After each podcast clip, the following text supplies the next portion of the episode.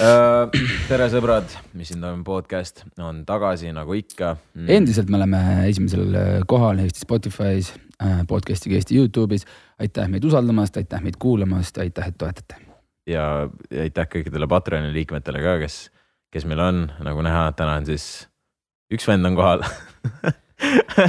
Üks vend on kohal, aga selle, aga meile sellest ju piisab. aga no vaata, see on arvestatud, me teeme täna jälle varahommikul nagu ikka, see on meie jaoks varahommik Andrei, mis teemadel me täna hakkame rääkima?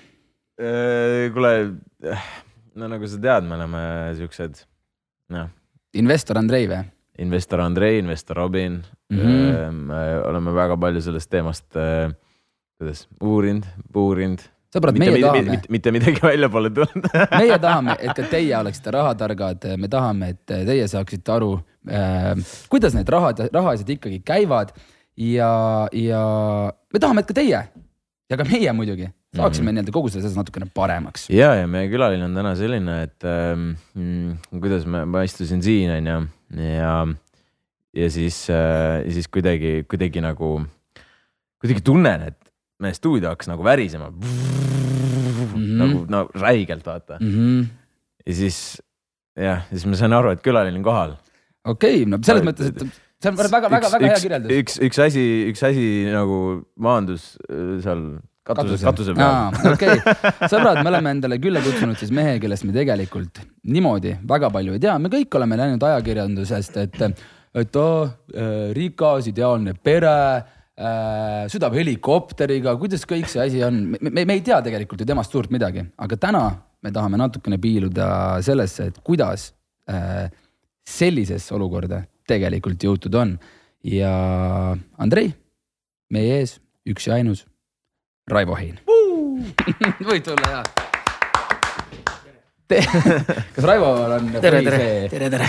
Raivoval on sul on see põhisee see on kuidagi niimoodi aja jooksul kätte jäänud juba, et ei oskagi muud moodi räägid, siis kogu aeg sõrmed käivad. sa võid endale mikrofoni kätte võtta, tunnen ennast mugavalt, ütlen sulle kohe ära, meil on väga mõnus formaat, alati oma külalistele me ütleme, et räägime ausalt ja, ja ilma siis niimoodi sellepärast ma ei äh, saagi poliitikasse minna, kuigi äh, mind kogu aeg sinna kutsutakse iga aasta et. sa isegi olid kunagi või ei või? ei, ei, ma ei ole kunagi poliitikas olnud, ma olen küll partei liige olnud ah,, okay. Isamaa liige.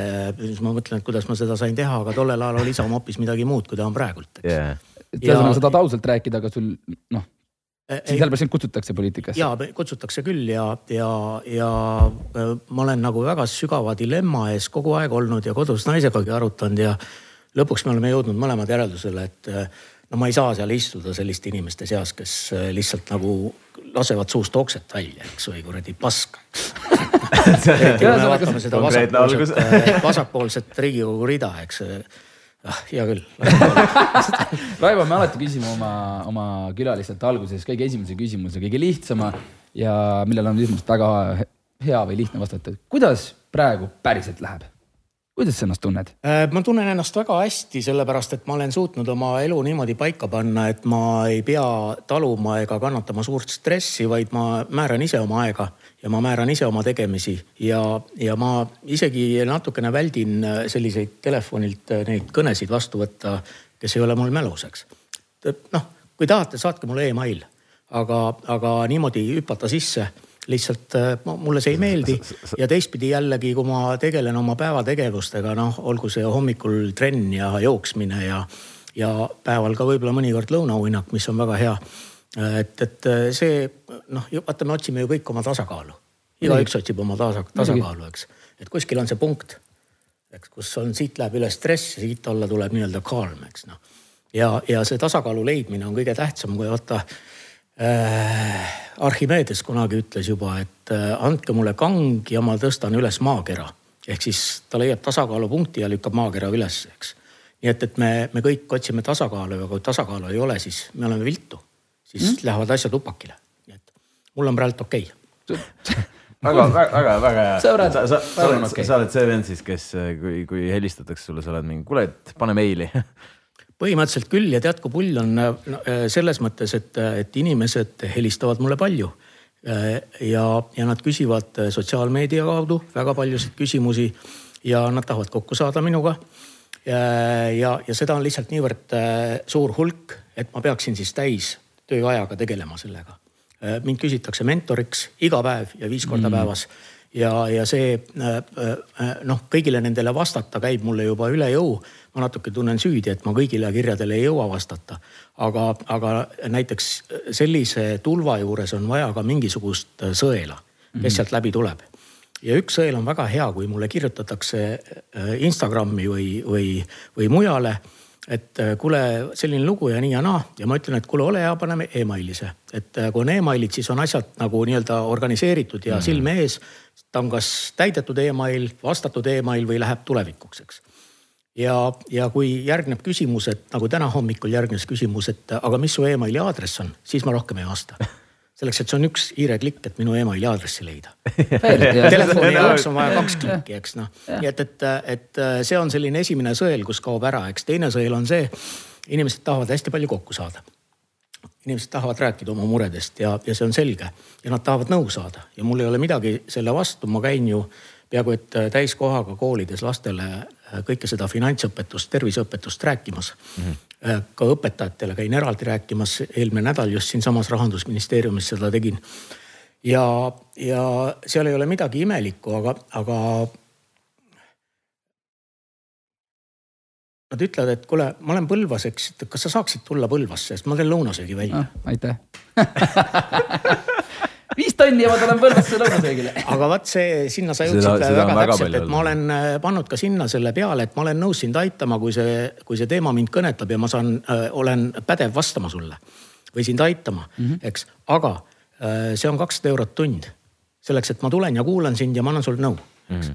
mis te arvate, kui paljud inimesed on nõus maksma kakssada eurot tund, et rääkida oma muresid või tutvustada oma äriplaani või, või küsida nõu ma eeldan, et inimesed ootavad seda rohkem nii-öelda tasuta, et, et no.. aga mida see tähendab, see tähendab seda, et, et minu aega ei hinnata. absoluutselt, eks. et äh, sa oled, oled sa nagu oled, sa võid ju tulla alati ja alati rääkida, no ei ole nii, see on mm. ju minu elu ja mida vanemaks ma saan seda kallimaks see aeg ju minu jaoks muutub. ja sellegi, sellepärast me ütleme teile, sõbrad, et meil on täna poolteist tundi äh,. Raivot me kauem kinni hoida ei saa, seega selleks, selleks, et ma olin nõus tulema ise, nii et, et kasvõi seesama. ja selles mõttes, et ma tahan meie vaatajatele ka, meil on vaatajad on umbes sihuke äh, noh, kui me toome nii-öelda selle laiema skaala, siis kuskil sihuke viisteist kuni viiskümmend viis mhm. on meie see kogu see. kuule, lõpeta ära, ma just käisin Jõgeval äh, ja, ja siis. see, see oli reisilugu muidugi. aga Andrei, meil on poolteist tundi. seitsmekümne aastased äh, vanemad prouad ka. see, aga see on. siin vaatasin siit-sealt. tere, kas sa, Andrei, mina näen, vaatan Youtube'ist ja televiisorist no,. no vot, no vot. ühesõnaga meie see piir tõesti tõusis nagu kuni seitsekümmend. ja, ja sõbrad, siinkohal tahamegi öelda seda, et Äh, Raivo on sündinud kuuekümne kuuendal aastal, meie oleme sündinud vastavalt siis äh, üheksakümmend kuus ja üheksakümmend seitse aastal. ehk siis need on täiesti erinevad ajad ja äh, ettevõtlusest ilmselt Raivo esimesed kolmkümmend aastat ei suutnud suurt midagi teha, sellepärast et me elasime äh, Nõukogude Liidus.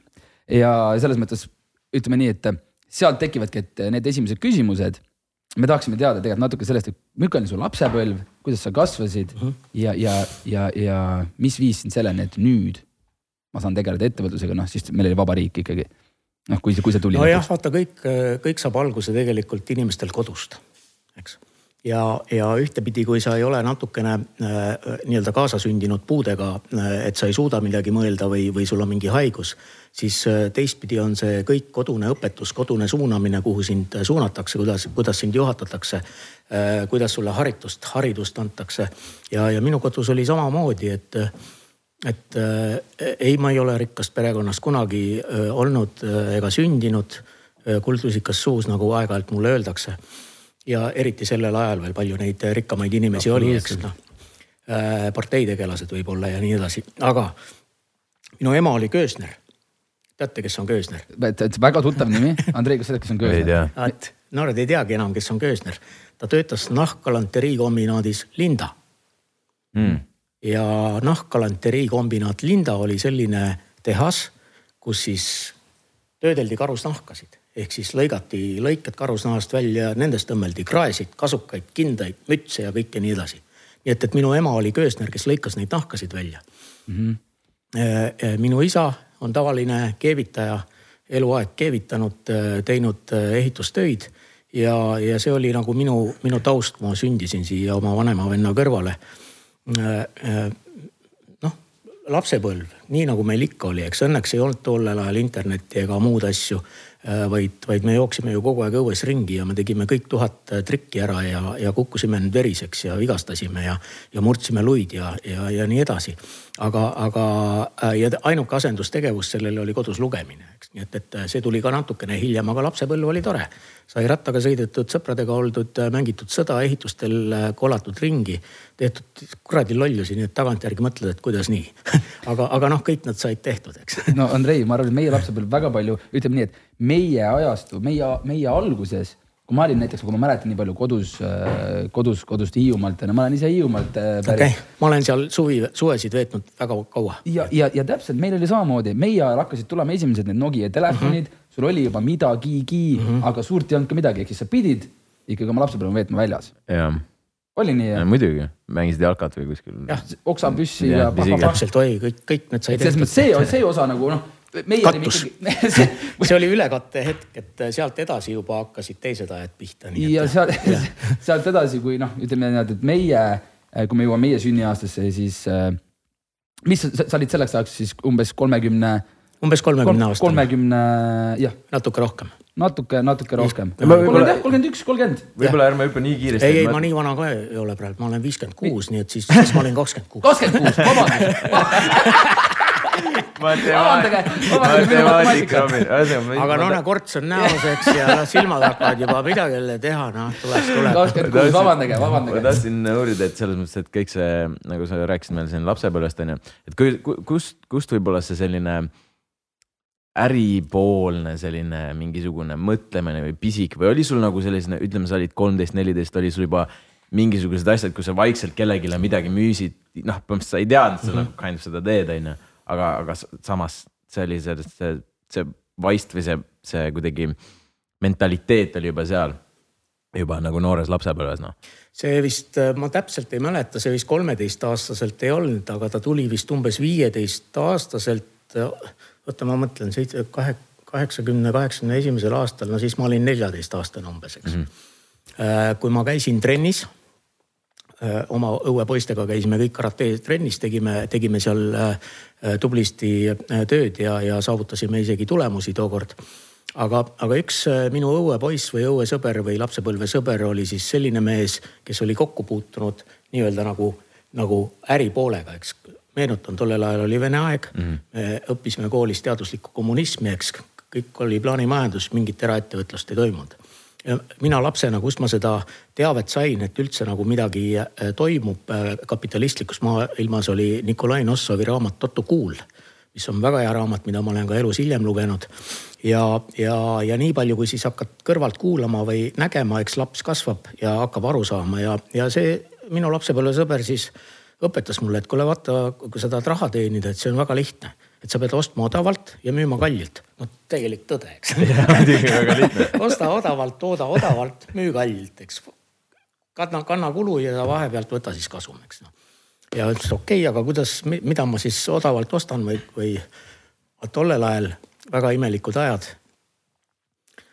Nad ei kujuta isegi ette, eks. see, kes, see, kes tuli välismaa kilekotiga kooli see oli tegija vend, eks. no ma olen kuulnud isalt ja kilekott maksis, eks kuus rubla, samal ajal kui kuupalk oli viiskümmend rubla.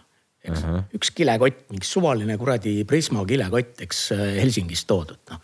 ja, ja, ja, ja siis oli veel need ajad, kus ei olnud riideid, siis osteti äh, äh, teksaseid, pusasid, särke, kõike, talvetosse, eks, jopesid ja kõike muid Äh, mis siis läbi Viru hotellisid meile Eestisse jõudsid ja, ja muid äh, teid pidi ka, nii et, et, et, et see sõber siis oli äh, kuidagi suutnud ennast sinna ringkonda sisse saada, kus ta siis sai ka neid kaupasid.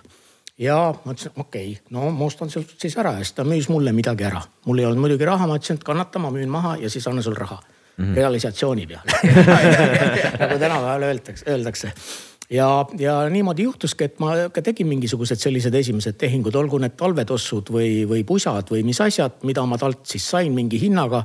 ja kümme rubla, kakskümmend rubla otsa ja, ja siis otsid omale ostja ja, ja niimoodi see käiski, eks. Et see oli see esimene mm,, no okei okay,, niimoodi tehakse raha. kuidas see oli, kas see oli kõik nagu sihuke undercover või see noh? ja muidugi, muidugi, ega seda ju avalikult ei, ei tehtud, eks. päris vist nagu lubatud. Äh, Vene ajal oli valuutaspekulatsiooni eest pandi sind vangi.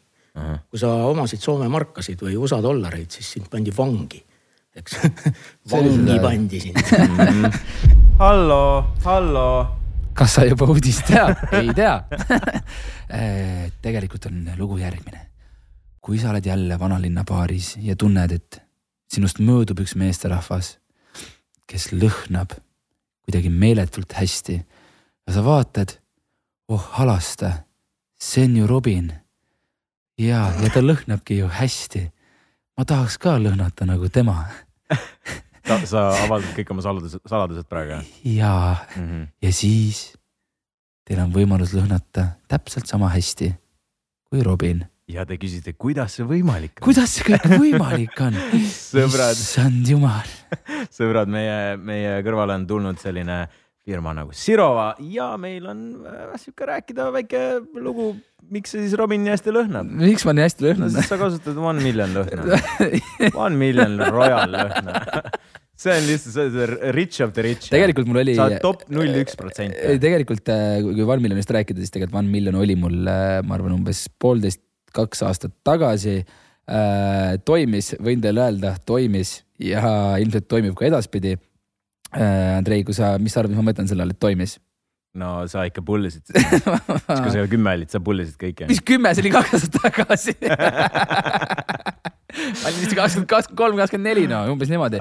ja tegelikult sõbrad tõesti lõhn on iseenesest väga-väga hea, nii et äh.... ja just täiesti, täiesti uus, uus variant on tulnud välja, One Million Royal ja mis seal ikka. kust ta saab, Andrei? no te saate seda igal, igalt poolt noh. suurematest ilupoodidest. suurematest ilupoodidest ja MyLooki veebipoest.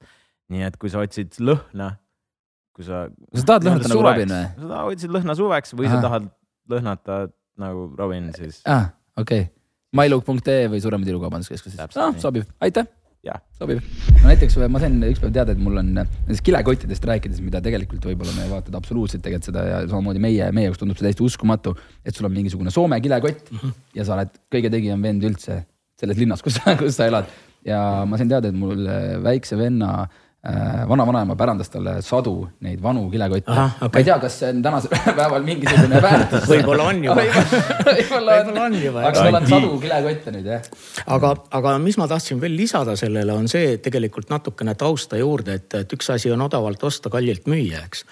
aga äh, mina olin ka ju samasugune noor inimene, kes tahtis ja ihaldas neid asju, eks. aga ma ei saanud endale lubada, kuna mul ei olnud raha. ja ma pidingi olema vahendaja, et teenida raha ja see on üks äh, nii-öelda äh, ettevõtja tunnusmärk, et ta on nõus natukene kannatama, enne kui ta hakkab ise hüvesid nautima. ja, ja see vana hea katse lastega, kus äh, viieaastane, okei okay,, näe, siin on sulle tort, sa võid selle kohe ära süüa. aga kui sa ootad pool tundi, me anname sulle ühe tordi juurde, ühe tüki juurde, eks. et kui paljud lapsed kannatavad pool tundi. no ma arvan, pigem vähe. kümme, kakskümmend protsenti lapsi mm -hmm. kannatab, eks, ja mõni kannatab veelgi rohkem, saab neli tükki, eks lõpuks. ja siis ta paneb need kõrvale ja läheb, müüb järgmistele lastele maha, eks. et, et see, see, see nagu mulle meeldib öelda, et, et see on nagu selline kollektiivne Jeesus, kes peab kogu aeg kannatama. ettevõtja tüüp inimene, eks, kogu aeg kannatama, kannatama. ma tahaks neid talvetosse saada, mida need soomlased müüvad. ma tahaks ka olla tegija sepp, eks koolis, tüdrukutele meeldida, eks aga lõpuks jõuad sinna, kurat, ma ostsin oma esimesed talvetossud eks. esimesed hoidsid neid, kandsid ilusti viisakalt, tegid talve ära, siis kurat pesid puhtaks, müüsid edasi võtsid jälle oma vahelt kasu välja. no vot niimoodi see elu käis, et see kannatuse moment on jõle tähtis sealjuures, et sa äh, noh sa ei saa nagu hakata kohe tarbima, kui sul ei ole mitte midagi. kuidas sa tarbid? alguses elad nagu alla oma nii-öelda no, võimetena ja siis pärast paned asjad huugama. no ideaalis jah, jah. see on, see on tegelikult noh, kui me jõuame edasi, sealt on see nagu elukestev protsess, eks. et, et kui sa tahad kuhugile välja jõuda, siis kui sul on mingisugune eesmärk, siis sa pead natukene kannatama. see on seesama tasakaal, et kui sa ei kannata, siis sa ka ei saa, eks mm. -hmm. ja kui sa kannatad, siis sa saad, noh, et tasakaal peab olema mitte midagi ei teki mitte miskist, mitte millestki. alati sa pead maksma millegi mm. -hmm. võidad jõus, kaotad teepikkuses, mehaanika kuldreegel mm. -hmm. alati, kui sa milleski võidad, siis sa kaotad.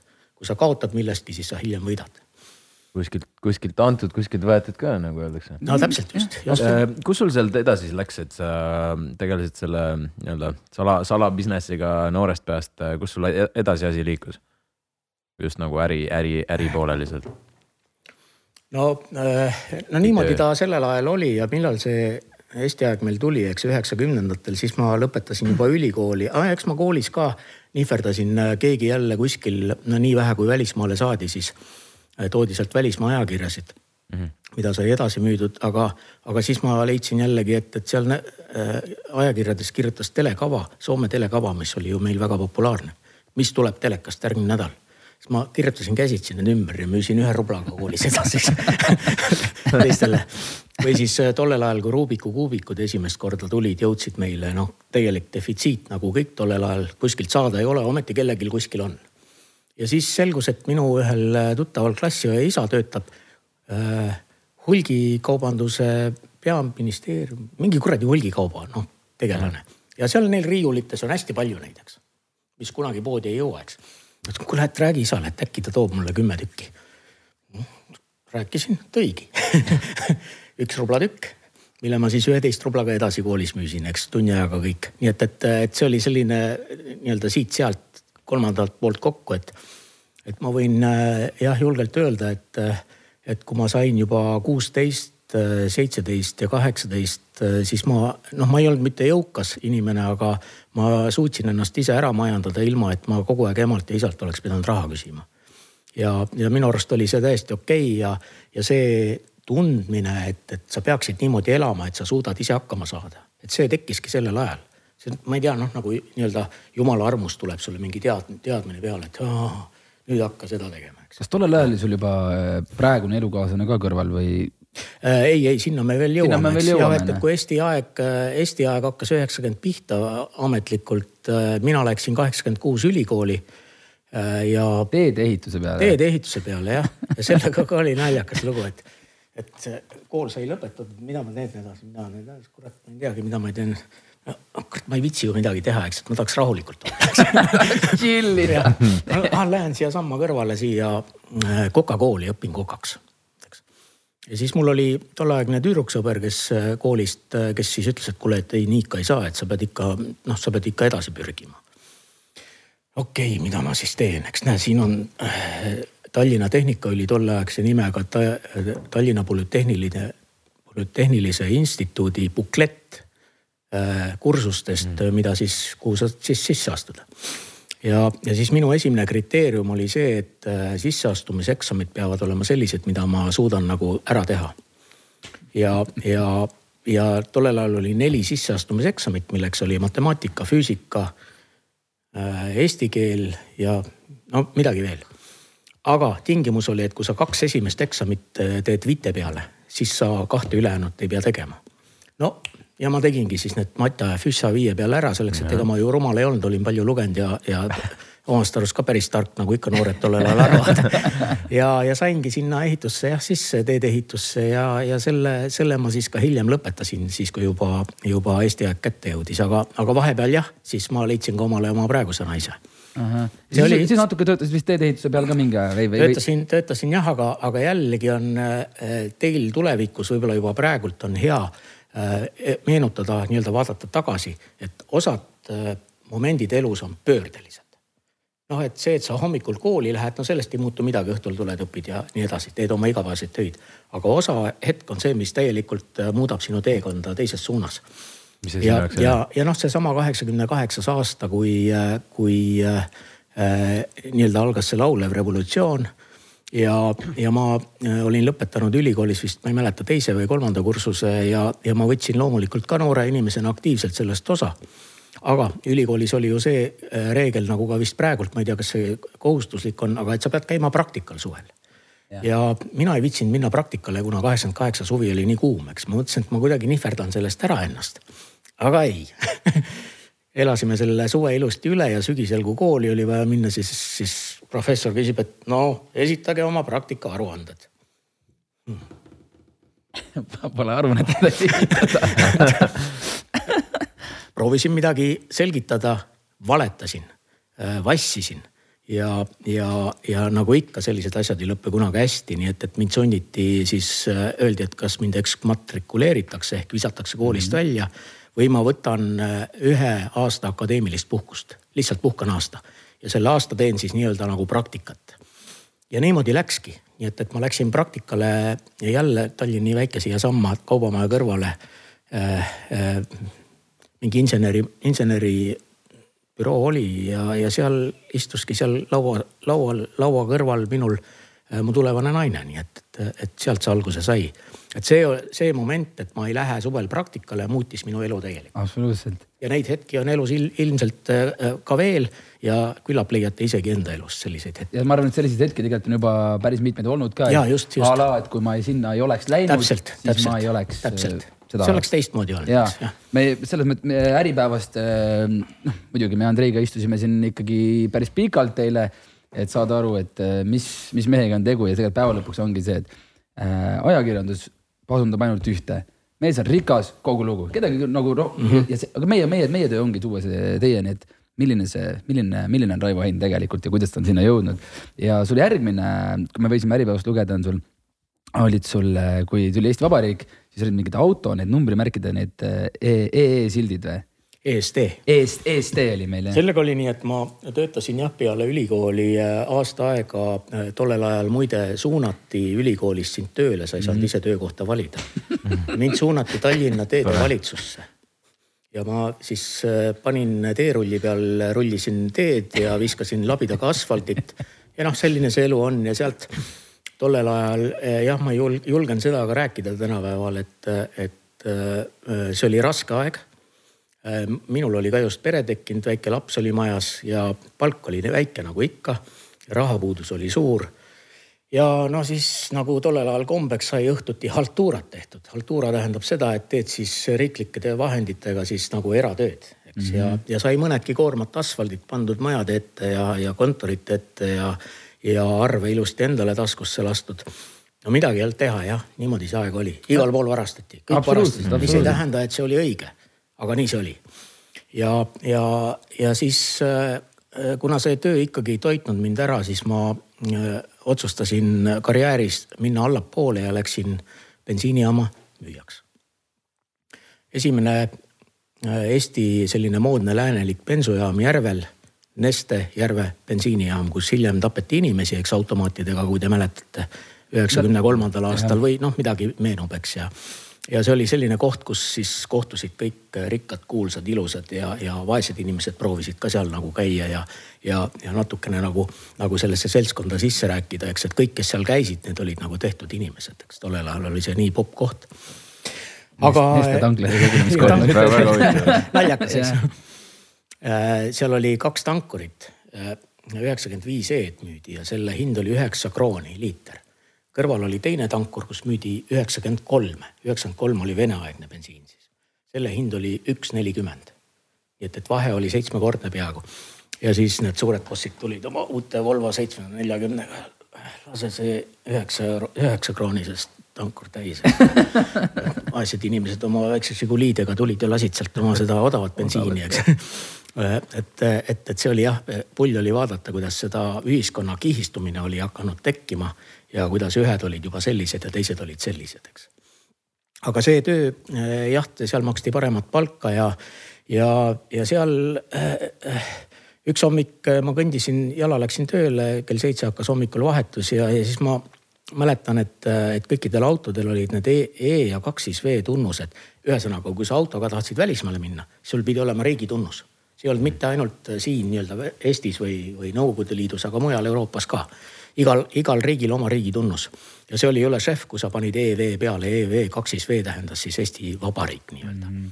aga jõuan mina tööle, loen lehte, hommikusi uudiseid, et äh, riigikogu võttis vastu seaduse, kus Eesti tunnus on EST. ja päeval hakkavad inimesed küsima, kas teil EST klepekaid on? ei ole, kuskil ei ole, eile alles võeti vastu, eks. ütlesin okei okay,, mul on ju see üks tükk, tuttav trükk all. helistan, et kuule, kas sa äh, trükid mulle üks sada tuhat EST klepsu? ei kurat, see on ikka keeruline, et see materjal peab hea olema ja ta peab vastama tingimustele, et Soomest saab tellida. ma tean Soomest ühte seppa, kuule, aga telli Soomest mulle sada tuhat kleepsu. okei okay,, et kuidas sa maksad, no maksan siis, kui kleepsud kätte saan, eks noh, muidugi mul seda raha ei olnud realiseerimise peale. enesekindlalt. no ja, ja, ja nii läkski, et, et sada tuhat kleepsu tuli paari nädala pärast Soomest kohale ja kuna ma seal Neste jaamas töötasin, siis ma tundsin Neste nii-öelda sisseostujuhti, kes siis ostis mult ära praktiliselt pooled kleepsud kõikidesse Eesti ülejäänud Neste jaamadesse, samuti maksis kohe kinni. ülejäänud ma viisin ise, äh, riiklik firma oli EK Äh, siis oli veel äh, Statoil, kas juba oli või oli tule, tulemas. ühesõnaga need teisedki, kõik nad võtsid mult lõpuks selle ära, nii et, et, et paar nädalat hiljem oli mul äh,, äh, mul kõik need müüdud. aga, aga see point oli selles, et mina maksin soomlastele ühe krooni ühe kleepsu eest mm, -hmm. üks kroon. ja, ja Nestesse. see oli müü... sada tuhat siis? jah ja., ja Nestesse ma müüsin edasi neli viiskümmend ja Neste hiljem müüs juba oma leti peal seitsme krooniga mm. -hmm. et, et igaüks võttis enda. igaüks võttis enda ja päris korraliku ja, enda. ja päris korraliku enda, eks. ja, ja. ja, ja see oli jah, selline, selline vähe suurem, suurem krooni raha teenimine mul tookord esimene, eks, kui Eesti aeg oli juba alanud, eks, nii et, et, et. aga see oli ju päris korralik raha tollel ajal ikkagi, väga suur raha. kuule jah, ma ostsin, ostsin juba vist üheksakümne kolmanda aasta suvel omale Ford Sierra XR4, mil, mis oli siis kaheuksene kolmeliitrine sportauto, eks sellise suure kahekordse antitiivaga taga. nii et, et vot see oli. see, see maksis, see maksis kolmkümmend kuus tuhat krooni, nii et, et ma olin ikkagi suutnud omale jah, juba natukene üht-teist koguda. kas see kleepsu business, kas see oligi sihuke, tellisid sa ühe korra need sada tõid ära? see oli, vist, vist tegin ühe korra veel ja vist tegin mõned vahtralehed ka ja no midagi nipet-näpet, aga no siis ta vajus ära, siis hakkasid trükikojad juba taha tulema ja mm, -hmm. ja, ja tootma ja nii see läks, nii et, et mm. -hmm no nüüd me nõuame natuke, lähme ajast edasi, sa tahtsid kandideerida või sa kandideerisidki äh, tegelikult äh, äh CV. Online'i tööle. ah nii, okei okay.. jõudsid ja, sinna? või jäi midagi veel ette, ette midagi sellist, mida sa tahaks välja tuua? vahepeal jäi kuus aastat vahele sellest, äh, kus ma lõpetasin ja kus, kus sina nüüd küsisid, et, et see kuus aastat siis oligi niimoodi, et äh, bensiinijaamas ma töötasin Nestes vist kolm aastat kokku või kaks pool ja siis ühel hetkel, ühel õhtul, kui ma sõitsin trollibussiga linnast koju Mustamäele, nägin ma, et linnuteel ja Tamm äh, Sõpruse puiestee ristmikule ehitatakse uut bensiinijaama. ja see oli siis Eesti riiklik bensiinijaam EKA mm. -hmm. ja tollel ajal oli juba Neste hakkas oma bensiinijaamasid andma rendile. ja, ja ka see Järve oli juba antud rendile ja teised jaamad ka olid antud rendile. ja mina mõtlesin, et aga huvitav, kas EKA ka annab. Läksin koju, võtsin sellise jämeda telefoniraamatu välja, otsisin, kus on EKA, eks helistan, tere, ma olen Raivo. et äh, teil on seal üks selline vahva äh, bensiinijaama ehitusel, et kas te annate seda rendile ka või? okei okay., no aga tule kohale, räägime, eks. Lähen siis mina kohale, räägime ja enne imet antakse rendile mulle. ja antigi mulle rendile, et see oli nii-öelda jätkas ettevõtjana see töö, mis tähendab, et ma ise ostan kaubad, ise maksan palgad äh, ja, ja nii nagu ettevõtja, kes peab poodi nii et, et ja, mhm. ja see... maksad renti siis selle nii-öelda kaupluse hoone eest EK-le, eks. ja sellega, kuidas, kuidas see algas? see, see niimoodi algaski üheksakümne neljandal aastal ja lõppes ta kaks tuhat, kui EK jaamad müüdi äh, Ameerika mingisugusele mm, kütusekompaniile maha, kes hiljem müüs need Statoilile edasi äh,. Ja, ja, ja see leping lihtsalt lõppes ära äh, nii-öelda aegumise tõttu, et ta sai täis ja enam ei pikendatud ja siis oligi see moment, kuhu me jõudsime, kui sa ütlesid, et ma kandideerisin tööle. aga sinna, seda sa jõudsidki siis põhimõtteliselt selle, selle aja raames nii-öelda sellega sa siis ainult tegelesid jah? ja ma olin see aeg, olin siis äh, puhas ettevõtja, kes siis äh, tegeles, äh, tegeles paari kaupluse ehk bensiinijaama mm -hmm. ülalpidamisega. aga noh, küllap neid kõrval business eid oli ka, siis lisandusid juba laenu andmised. Lisandusid ka mõned kinnisvara või ettevõtete ostud väiksemad. Ja, ja niimoodi see nagu alguse saigi suuremalt, nii et, et kui ma, kui ma sealt välja tulin kogu sellest ärist, siis ma, ma arvan, et ma olin äh, suhteliselt jõukas, äh, jõukas mees sellise paari-kolmesaja tuhande krooniga äh, hinge taga. ja, ja siis oligi see hetk, kui, kui bensiinijaama ärid lõppesid ära, siis oli vaja otsustada, et mis saab edasi mm. -hmm. ja kui me vaatajatele, ütleme, kui, kui vana sa tollel ajal olid? täpselt, kui see nii-öelda bensiinijaama see asi sai läbi ja mis. ma olin vist kolmkümmend kolm või kolm, jah, kolmkümmend kolm oli mm -hmm. sellel ajal, nagu Jeesus. kas, kas kas, kas sul oli vahepeal vaata nii-öelda üheksakümnendate algusest ja kuni siis selle hetkeni, mis me praegu räägime, onju. kas sul mingi hetk oli seal see, see mingisugune arusaam, et ahah, nüüd ma olen vist see, see ettevõtja, mitte, mitte see, et ma tahaks nüüd kuskil palgatööl nagu tööd mm -hmm. Kas sul käis mingi see switch kunagi läbi? Äh, jah, tegelikult ma juba üheksakümnendate alguses, äh, siis kui nii-öelda need metsikud ajad olid ja, ja inimesed ettevõtjateks hakkasid ja tekkisid firmad, äh, tundsin, et ma tahaks ka see on seesama, sama asi, millest ma praegu noortele räägin, et, et vaata tööstusrevolutsiooni aeg inimesed tulid maalt linna, läksid tehastesse tööle, eks. ja, ja kui inimesed tulid linna, neil sündisid lapsed, eks, siis nad ütlesid, nüüd mine kooli, õpi ilusti, saad targaks siis sa peale kooli leiad omale tööd. ja kui sa oled leidnud tööd ja teed hästi oma tööd, siis sa saad head palka. ja kui sa saad head palka, mis sa siis teha saad? sa saad minna panka ja võtta laenu et osta omale maja, korter, mida iganes, noh. et, et see oli see, see pool, mida ma proovisin siis ümber tõsta, et kui sa, kui sa nagu hästi õpid ja oled äh, kannatlik ja edasipüüdlik, siis ühel hetkel sa võid omale palgata töötajad, kes teevad sinu eest selle töö ära, eks. et sa ei pea ise minema tööle hea palga eest tööle, vaid, vaid sinu eest äh, teevad su töötajad töö ära ja ma ei mõtle mitte nii-öelda äh, nagu orjad töötajad, aga, aga need inimesed, äh, kes teevad oma igapäevast tööd, kes saavad palka ja, ja kes toodavad sulle siis nagu kasumit, eks.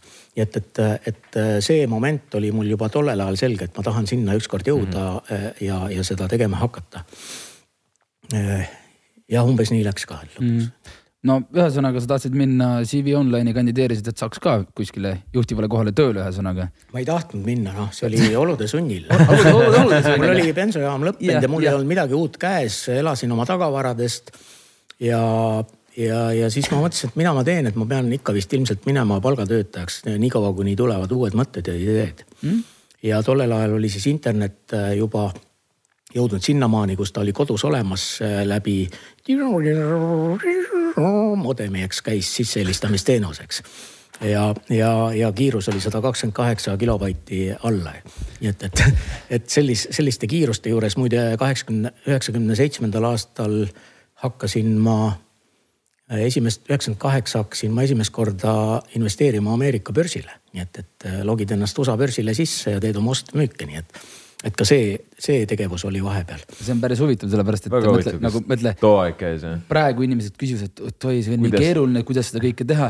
üks mees paneb üheksakümne kaheksandal aastal, põhimõtteliselt sulle saadetakse koju paberilibak, et sul on nüüd mingi. kuidas, kuidas see täpselt? ei, ei, see, see juba tollel ajal oli ikkagi asi juba yeah. elektrooniline, et yeah. enam ei olnud füüsilisi aktsiaid, eks yeah. nagu, nagu sada aastat tagasi või isegi viiskümmend yeah. aastat tagasi. kus sa näitasid, et ma olen omanik, eks näed, siin on minu aktsia, ma tulin hääletama aga, aga see sellel ajal oli juba, juba Ameerikas ja Euroopas see asi elektrooniline. nii et, et sa tegid oma ostu ja see ost oli kajastus sinu konto all ja sa võisid alati teda sealt konto alt ka ära müüa, nii nagu tänapäeval ka meil siin on mm. -hmm. aga kuidas meil oli, ma ostsin ka üheksakümne seitsmendal aastal Tallinna börsilt, mis avati vist üheksakümmend kuus üheksakümmend seitse üheksakümmend seitse avati ja, ja iga õhtu oli telekas siis saade Kapital, kus üks äh, ilus äh, blond tütarlaps rääkis, kuidas börsil päev on läinud mm.. täna Rakvere lihakombinaadi aktsia tõusis neli protsenti, eks. Saku õlletehas tõusis kurat kuus protsenti, eks. ja niimoodi iga päev, iga päev üks ainuke tõus käib, et kurat peaks ka äkki ostma esimest korda elus. sul ei olnud kedagi? mul ei olnud kedagi, kes ütleks, kuidas ma saaks osta hm.. et kuhu ma helistama pean või kuhu ma minema pean, et kui me lähme Nõmme turule, siis ma tean, et see on turg. ma saan siit tomatit osta ja siit tomatit, aga kust ma saan osta aktsiat ja aktsiat, kus see turg on, kus see börs on mm? -hmm ja lähen siis äh,, äh, tollel ajal oli ühispank, lähen sinna, kus mu konto oli, et kuulge, ma tahan ka aktsiaid osta. okei okay,, et saab ikka, et äh,. saab ikka mis aktsiaid sa tahad no,? ostaks Rakvere lihakombinaati. okei okay,, siis teller võttis telefoni, helistas Google'i, ütles, et Rakvere lihakombinaat. siis sealt öeldi vastu, et hind on praegult selline. on okei okay,, no on, siis teeme ära, eks.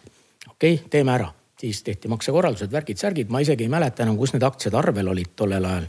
aga ühesõnaga see ostmine käis niimoodi, et sa pidid füüsiliselt minema Aha. pangakontorisse, et osta aktsiaid. ja, ja see oli muidugi väga imelik äh, võrreldes sellega, kui ma mõni, mõni aasta või aasta hiljem hakkasin seal USA, USA börsil tegutsema, eks. kus asjad käisid väga lihtsalt. nii et, et, et seda ma naeran siiamaani, aga, aga tegelikult on see kurb, kui me räägime haridusest, et äh, hiljuti ühes koolis esinedes tuli pärast majandusõpetaja minu juurde, ütles, et mina õpetan majandust, eks ja turgu ja kõike muud sellist asja. teate, ma pean ütlema, et ma ei ole kunagi ühtegi aktsiat ostnud. ma ei tea, kuidas neid osta saab. noh, kuidas nii? kuidas sa nii. nagu õpetad, eks ja sa ei tea, kuidas aktsiaid osta saab see on see, kuidas nagu haridus ja teadmine ja haritus saab alguse koolist ja saab alguse õpetajatest. Kui sinu mm -hmm. õpetajad ei ole õpetatud, siis nemad ei oska sind ka õpetada mm. -hmm. ja miks neid ei ole õpetatud, oli vene aeg, ei õpetatudki ja enne seda niimoodi lähme tagasi, eks. Mhm. meil on auk sees lihtsalt mm -hmm. kogu selles asjas okei okay. oh,. Lähme liigume edasi liigume siis edasi, selle esimese, päris, päris nii-öelda siis selle Andrei, mida me võime siis lugeda internetis, kus on nagu ikkagi Raivo teenis miljoneid ja, ja, ja miljoneid äh,. Sa ei saanud okay. CV Online'i tööle ja ütlesid, et pagan, mida me võisime siis internetist artiklist lugeda. pagan, ma teen täpselt samasuguse asja, aga kõikide parendustega ja nii-öelda, et see asi oleks top-top nii läks. nii läks. ma sain sinna tööle tegelikult ja kaks aastat nädalat hiljem äh, ja mind võttis tööle Rain Lõhmus, kes on praegu minu hea sõber, äripartner. ja Jüri Kaljundi, kes oli tookord äh, CV Online'i üks omanikest. Ja, ja kes on ka nüüd hea sõber mulle, tagantjärgi veel tekivad niimoodi ka sõprused, eks mm. -hmm. ja, ja, ja siiski midagi läks neil viltu. et nad kaks nädalat hiljem, kui ma pidin tulema tööle äh,, äh, ütlesid mulle, et vabandust, Raivo, me ei võta sind tööle, kuna me leidsime uue direktori hoopis Suurbritanniast ehk siis Inglismaalt toodi mm -hmm. üks noormees kohale, kes siis hakkas seda juhtima. ütlesin, et no aga kuidas nii, no, no vot elu on nii, mis sa teed mm, -hmm. midagi ei ole teha. Ja tõesti, ma olin selleks ajaks teinud selle äri omale üpriski selgeks, kuidas ta juba välismaal käib, kuidas ta Ameerikas käib ja, ja mul olid tekkinud mõtted ja ideed. just see interneti pool. ehk sa said aru, et noh, tulevik on. täpselt, täpselt jah, jah mm. -hmm. ja, ja, ja nii ta läkski, et, et ma hakkasin siis ise tegema samasugust portaali nagu oli CV Online. ja, ja selleks, kui te arvate, et ma hakkasin kohe programmeerima midagi arvutis, siis te eksite. ma mm, -hmm. ma, ma olen õppinud programmeerimist, ma tean, kuidas see käib, mul on täielik ettekujutus sellest, aga ma ei oska ise programmeerida. ma ei oska neid keeli ma palkasin sellised noored mehed, kaheksateistaastased poisid, kes olid kõvad sõrmed maksin neile kuuskümmend tuhat krooni, et nad teeksid esimese nii-öelda versiooni CV keskusest valmis. Äh, kirjutasin neile projekti ette, mis lehe, lehed peavad olema, kuidas avaleht välja näeb, kus mida on, kus kohas sa CV-d saad teha, mitu tükki sa saad teha, igas keeles, mis sa saad teha. ja nad tegidki kuu aega selle valmis või kahe kuuga, kes enam mäletab, nii et, et aastal kaks tuhat, esimesel septembril tegin ma siis selle lehe nii-öelda lahti. Äh, ja, ja siis tekkis see esimene probleem ja selleks oli?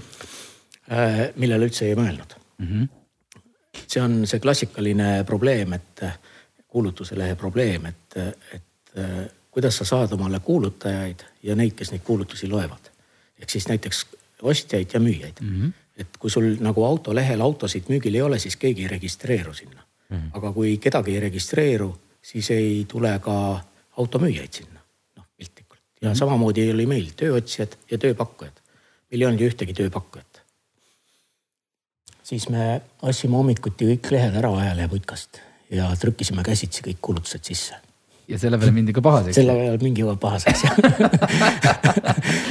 jah, mindi pahaseks, aga midagi ei olnud teha, nii et, et õnneks tollel ajal mingit copyright'i ja selliseid asju nagu ei olnud või, või keegi küll õiendati aga me tegime selle asja viisakalt selles mõttes, et alati, kui kuulutus sai käsitsi sisse trükitud, läks sellele kuulutaja emailile teade, et sinu kuulutus on meil nüüd siin. sa saad sisse logida kui tööandja, sa saad parandada seda kuulutust ja sa saad vaadata, kes ka kandideeris sinna mis, vot see oli just see ah, point, mis, mis neile meeldis. ehk siis see tegite ta põhimõtteliselt kasutajaks siis? täpselt, täpselt, ise tegime nad kasutajaks, korjasime nende pikaaegselt, vist esimesed pool aastat me pidime ikkagi tegema seda, enne kui hakkasid tulema ise juba uued mm -hmm. kuulutused nagu orgaaniliselt. ja samamoodi, kui tulevad kuulutused, eks siis tulevad ka tööotsijad nii et, et esimesed, kui me avasime, siis meil oli kakskümmend CV-d, eks millest pool oli, üks oli minu oma, üks oli minu naise oma ja siis oli veel paar sõpra, eks ju noh, selles stiilis. aga siis hakkas ka neid tekkima. ja, ja noh, siis juba hiljem läks lumepall keerlema. ja, ja palju näiteks, ma ei tea, sinu ajal, kui kiiresti sa nägid, et tõesti nüüd on kuulutuste arv nagu suur, mis, mis see numbri, mis see numbrites? ei, see suur, suurus ei olnud tähtis, vaid tähtis on see, et me tegime ju ikkagi kõike seda tasuta, keegi ei maksnud ju see sai kõik sellest samast minu tagavarast iga kuu kinni makstud. selleks, et meil oli juba kaks või kolm töötajat, üks programmeerija, üks sisutoimetaja, kuulutuste sisust, sisestaja, eks kõik tahtsid ju palka saada. ja me kaks tuhat alustasime ja, ja kaks esimest aastat me maksime peale sellele et kaks aastat läks see nii-öelda kasvamise aeg. tahtsid seda lihtsalt kasvatada orgaaniliselt nii suureks, et sa saaksid selle teha ka tasuliseks, et nii-öelda ettevõtted oleks. ja see tasuliseks minek oli muidugi äärmiselt raske, sellepärast et äh, see esimene hirm on, et kui me nüüd küsime kuulutuse eest raha, siis keegi ei pane kuulutusi mm. -hmm. ja no mida me teeme, mida me teeme, eks. juhuslikult äh, läks mööda üks inimene, ütles, et kuule, mul on üks firma, telefonifirma, kes müüb, müüb äh, igasugust nodi, et nad võivad hakata teile nagu müüma teie teenust. no aga testime siis, vähemalt te, teeme ühe testi ja, ja panime siis tõesti kuulutused äh, tasuliseks mis see maks, mis see maksis tollel ajal? ma ei mäleta enam, ma tõesti ei mäleta, ausõna ei mäleta enam numbreid, mis nad maksid. selles mõttes, et. jah, jah, mingi. põhimõtteliselt iga firma pidi. et kui tahad kuulutuse, meil olid paketid, üks kuulutus maksis nii palju, kui sa tahad, ostad kuuajalise paketi, kus sa võid ise panna palju kuulutusi mm -hmm. või mhm. aastase, no midagi sellist mm. -hmm ja tegime siis selle ära ja ütlesin, et no homne päev on see päev, kui me nagu pankrotti ilmselt hakkame tüürima, et kõik jooksevad minema ja, ja mis juhtus, esimese kuu käive oli kolmsada tuhat krooni mm. -hmm kui me hakkasime müüma. see juba jah, oli... see, see oli see esimene, oh näed, inimesed ikkagi hea asja eest makstakse ja mida ma räägin ka praegult, et edukas ei ole mitte see, kes on rahaliselt rikas, vaid edukas on see, kes suudab kellelegi midagi pakkuda, mille eest sulle makstakse raha, eks. et, et me tegime midagi õieti ja, ja, ja sealt juba tekkis meie enda müügiosakond ja, ja, ja, ja nii edasi läks see elukene sealt siis. aga kas äh, tollel ajal konkurents siis nii-öelda konkurendiga sellega, kus sa nii-öelda siis ei saanud tööle. kas see oli nagu tunda või kuidas tollel ajal oligi, ütleme see interneti. me tegime niimoodi, et me, me tahtsime veel omale andmebaasi ja saada andmeid nii tööotsijate kui ka kuulutajate kohta.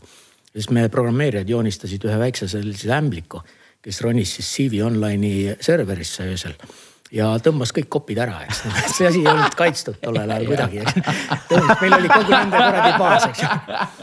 ja siis me, ja siis me kuidagi konvertisime nad nende, nende programmeerimiskeelest enda keelde, et nad tuleksid samasugused ja ja, ja kuvasime seda kõike välja ka ja, ja loomulikult neile see ei meeldinud, nad kolmandal päeval avastasid, et keegi käib neil seal midagi toimetamas.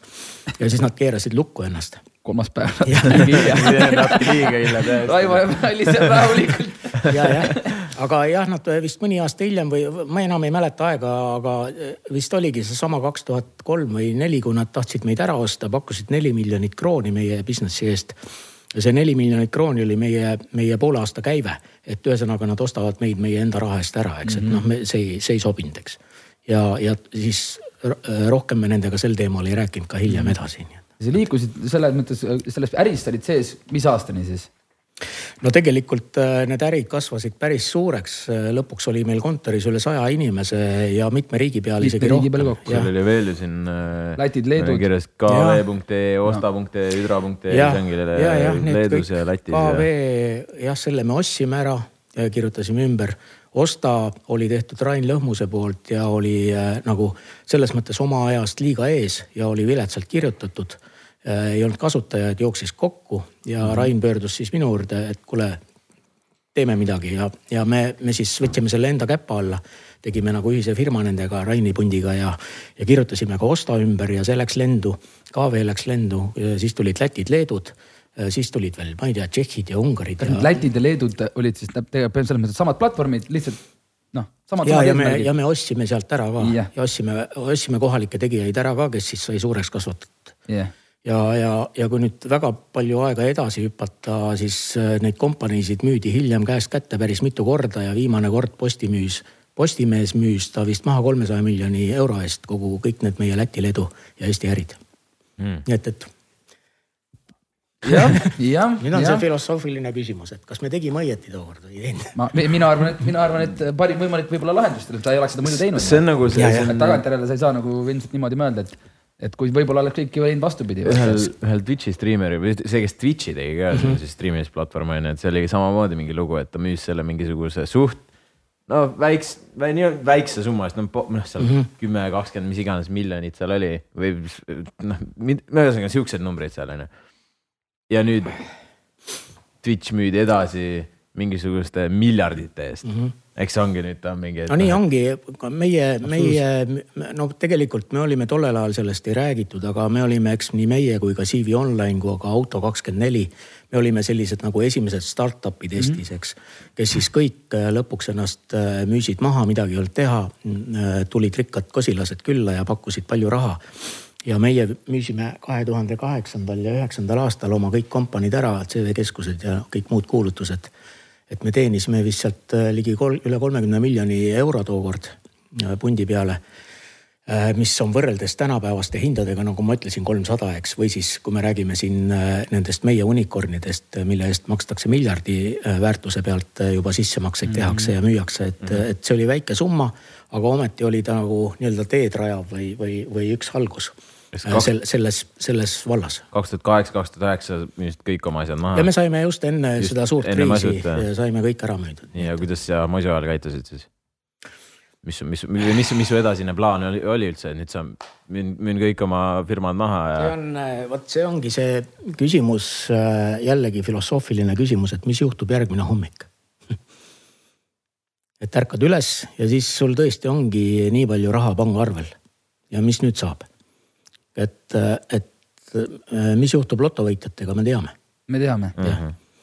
ostad Ja- endale hästi palju asju kokku ja võib-olla raha ei olegi enam järgmine, järgmine kuu. järgmine kuu ja Järgmine järgmine aasta jah, maja nõuab kütmist ja auto tahab bensiini ja uus naine pole ka nii hea, kui vana oli, eks mm -hmm. võib-olla. ja reisil ka enam ei jõua minna, eks, et see on lotovõitja saatus, aga, aga investori saatus või, või, või siis ettevõtja saatus on see, et, et äh, kui tal tekib mingisugune äh, äh, raha, siis see on tema jaoks kõige suurem mure. selleks ettevõtja ideaalne elu on see, et ar- arvetel ei ole üldse raha, vaid kõik on investeeritud ja toodab ja nii kui ta toodab, nii ta läheb uuesti investeeringuks ehk seesama liitintress, mis tegelikult rikkaks teeb. et, et see oli esimene probleem tollel hetkel ja teine probleem oli muidugi see, et, et äh, nagu lotovõitjad tegigi, siis äh, äh, kui sul varem ei ole selliseid suuri summasid raha, raha kunagi olnud nii palju, no nii palju on järsku, eks, sul on kuradi kümme miljonit arvel, eks noh. kurat, Aga et, et kas see, kas see ajab nagu sind lolliks või sa suudad mõelda kaine peaga. seesama, et kas sa muutud loto, lotovõitjaks või siis sa tõmbad tagasi ja mõtled natuke ettepoole, et mis saab edasi mm. -hmm. et, et need kaks probleemi oli. noh, mina õnneks ma olin sellist tüüpi juba tollel ajal ja enne seda, et ma, ma teadsin, et äh, ma ei lähe seda raha poodi viima või, või, või läbi lööma, suuri majasid ostma, mida iganes, vaid see tuleb investeerida sada protsenti. ja Kõik. jah, see tuleb kõik investeerida sada protsenti, nii palju kui võimalik. noh, kui eluks on vaja, võtad oma palga või oma dividendi välja. aga ülejäänud lähevad kõik investeeringuks ja selleks, et see summa ei olnud nii suur, et, et sa suudaksid nagu mõnusalt elu lõpuni ära elada. kümme miljonit tollel ajal võis, võib tunduda mm. -hmm. aga, aga rahal on selline hea omadus, et kui teda on palju, siis tekib teda ka palju rohkem juurde kui sul on vähe raha, sa investeerid kümme eurot, siis sa saad ühe euro intressiks, eks. aga kui sa investeerid miljoni, siis sa saad sada tuhat. nii et ja sajast tuhandest sa elad juba aastas täitsa mõnusalt ära ilma mingi suurema probleemita, eks.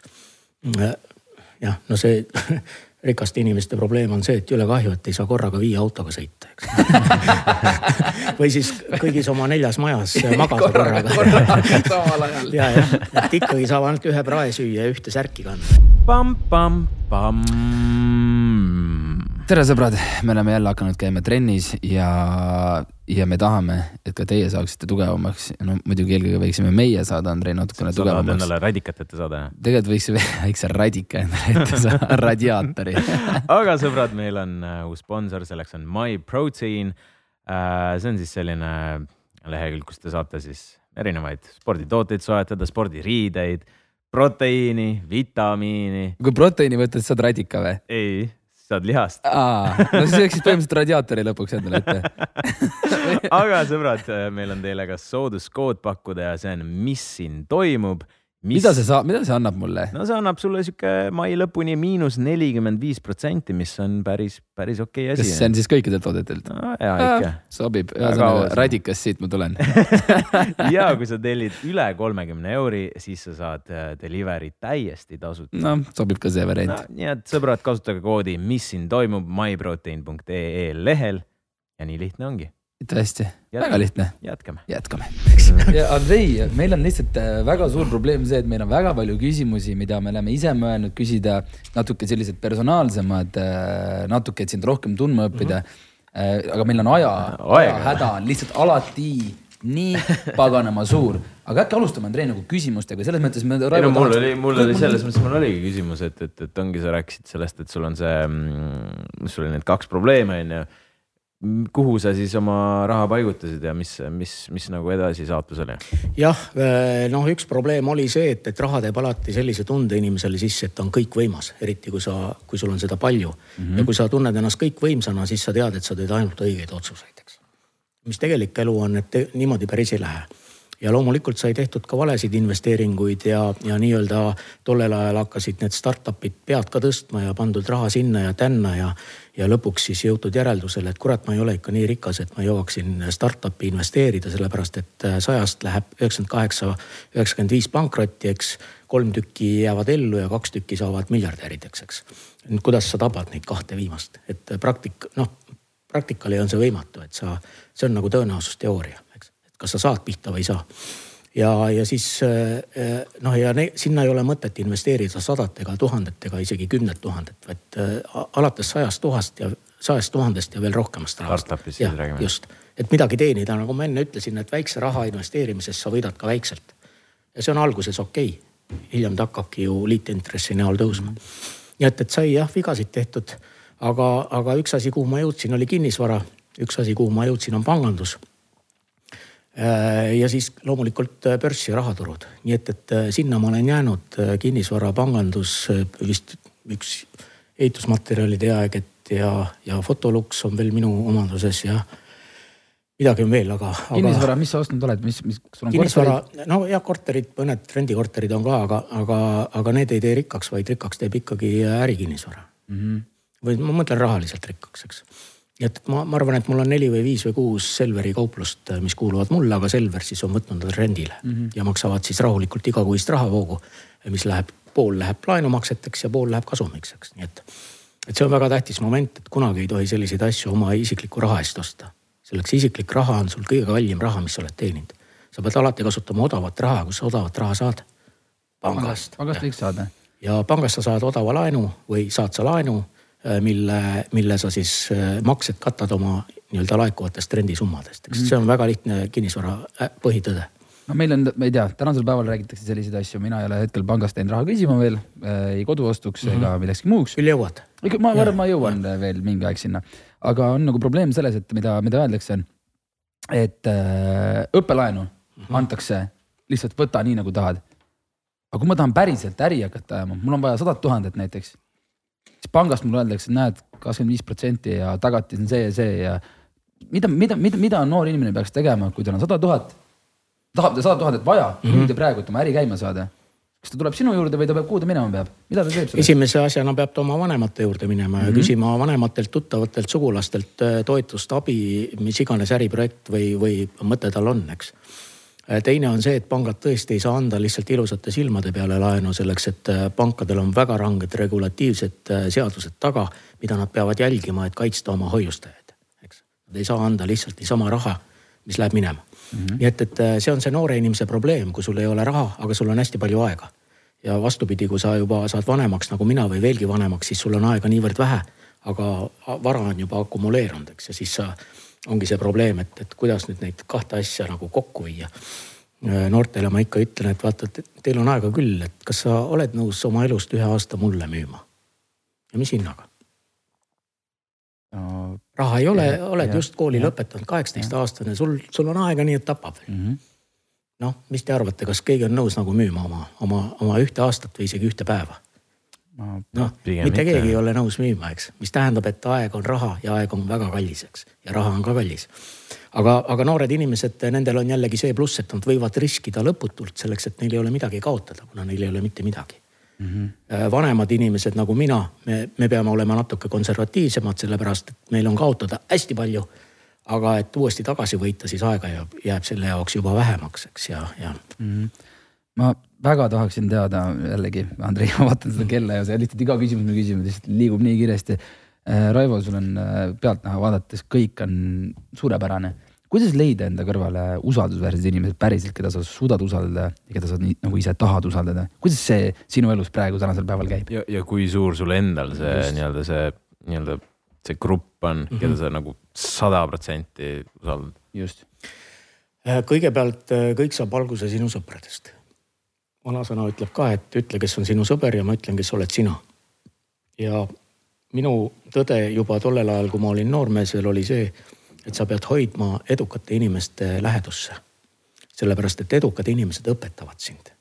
Äh, see lähedus ei tähenda, et sa kõnnid nende kõrval või, või üritad nendega sõbraks saada, mis on ka okei okay. ja väga paljudega ma niimoodi ka sain sõbraks lõpuks ja siiamaani aga see tähendab seda, et sa jälgid neid, sa vaatad, mida nad teevad, sa vaatad, kuidas nad teevad, eks, ja, ja sa proovid sellest õppida nii et, et, et, et see on üks äh, väga tähtis point, et äh, muutuda selleks, äh, kelleks sa tahad nii-öelda nagu saada, kui sa tahad sillaaluseks saada, siis sa mine nende, nende hulka ja sa oledki, eks. või kui sa tahad ulguda nagu hunt, siis ulu nagu hunt ja jookse nagu hunt ja oledki nagu hunt. nii et, et kõik saab alguse sellest, kellega sa suhtled. sa pead valima oma suhtlusringkonda ja, ja nüüd teine seesama probleem, et kuidas leida usaldusväärset seltskonda, siis see kujunebki aastate jooksul välja et äh, loomulikult ma arvan, et mul on, mul on kahe käe sõrmedel inimesi, keda ma sada protsenti saan usaldada. Äh, siis on hästi palju niisama sõpru ja tuttavaid ja siis on lihtsalt inimesed, kes jälgivad mind või, või mina jälgin neid, eks. nii et, et, et äh, selline see ringkond mul on ja, ja, ja mida vanemaks saad, seda vähem see ringkond muutub aga mul on õnneks juhtunud nii, et, et mul on isegi päris palju noori inimesi tulnud ellu sisse, kes, kellest on saanud ka minu head sõbrad ja, ja, ja see on positiivne. kas lihtsalt ma nagu, me võime kasvõi näiteks äh, noh, see on küll natuke võib-olla teise, teist, teistmoodi, aga, aga kui palju on, kui sa tunned seda asja, et nagu suhtumine sinusse on muutunud äh, nii-öelda inimeste poolt kes võib-olla ei ole su kõige mingi lähedasemad sõbrad, aga sellised, et aa, Semi, ma, ma tahan olla su tuttav või ma, me oleme nüüd mingi, tunneme üksteist mhm. natukene, kui palju nende suhtumine on sinusse muutunud, sellepärast et sa oled edukas, sa oled heas vormis, sul on noh, super pere, kõik see. kui palju see suhtumine on muutunud?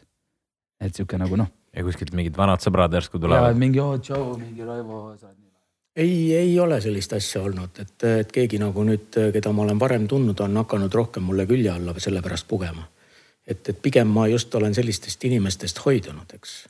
Ja, ja eriti soovitan ka teil ja teistel äh, vaatajatel hoiduda sellisest äh, sotsiopaatilisest käitumisest, eks. kes on äh, lihtsalt halvad inimesed.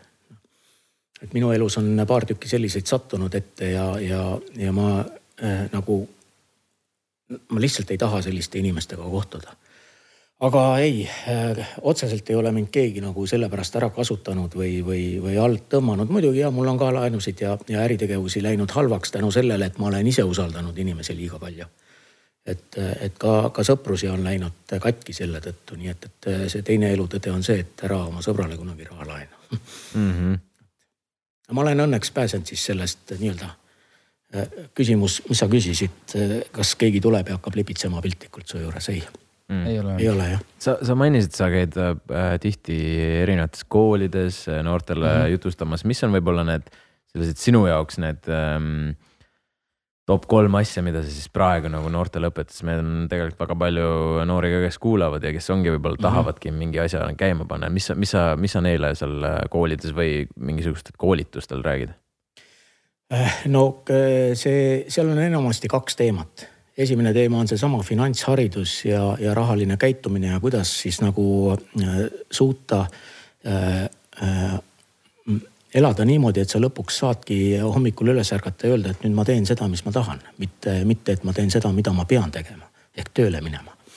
ehk seesama rahaline pool, investeerimise pool ja, ja finantsõpetus äh,. väga lihtne tõde, et ära kunagi võta laenu isiklikeks kuludeks laenu saad sa võtta ainult äritegevuseks ehk sellisele projekti jaoks, mis toob sulle tagasi selle laenu maksed ja kasumi, eks.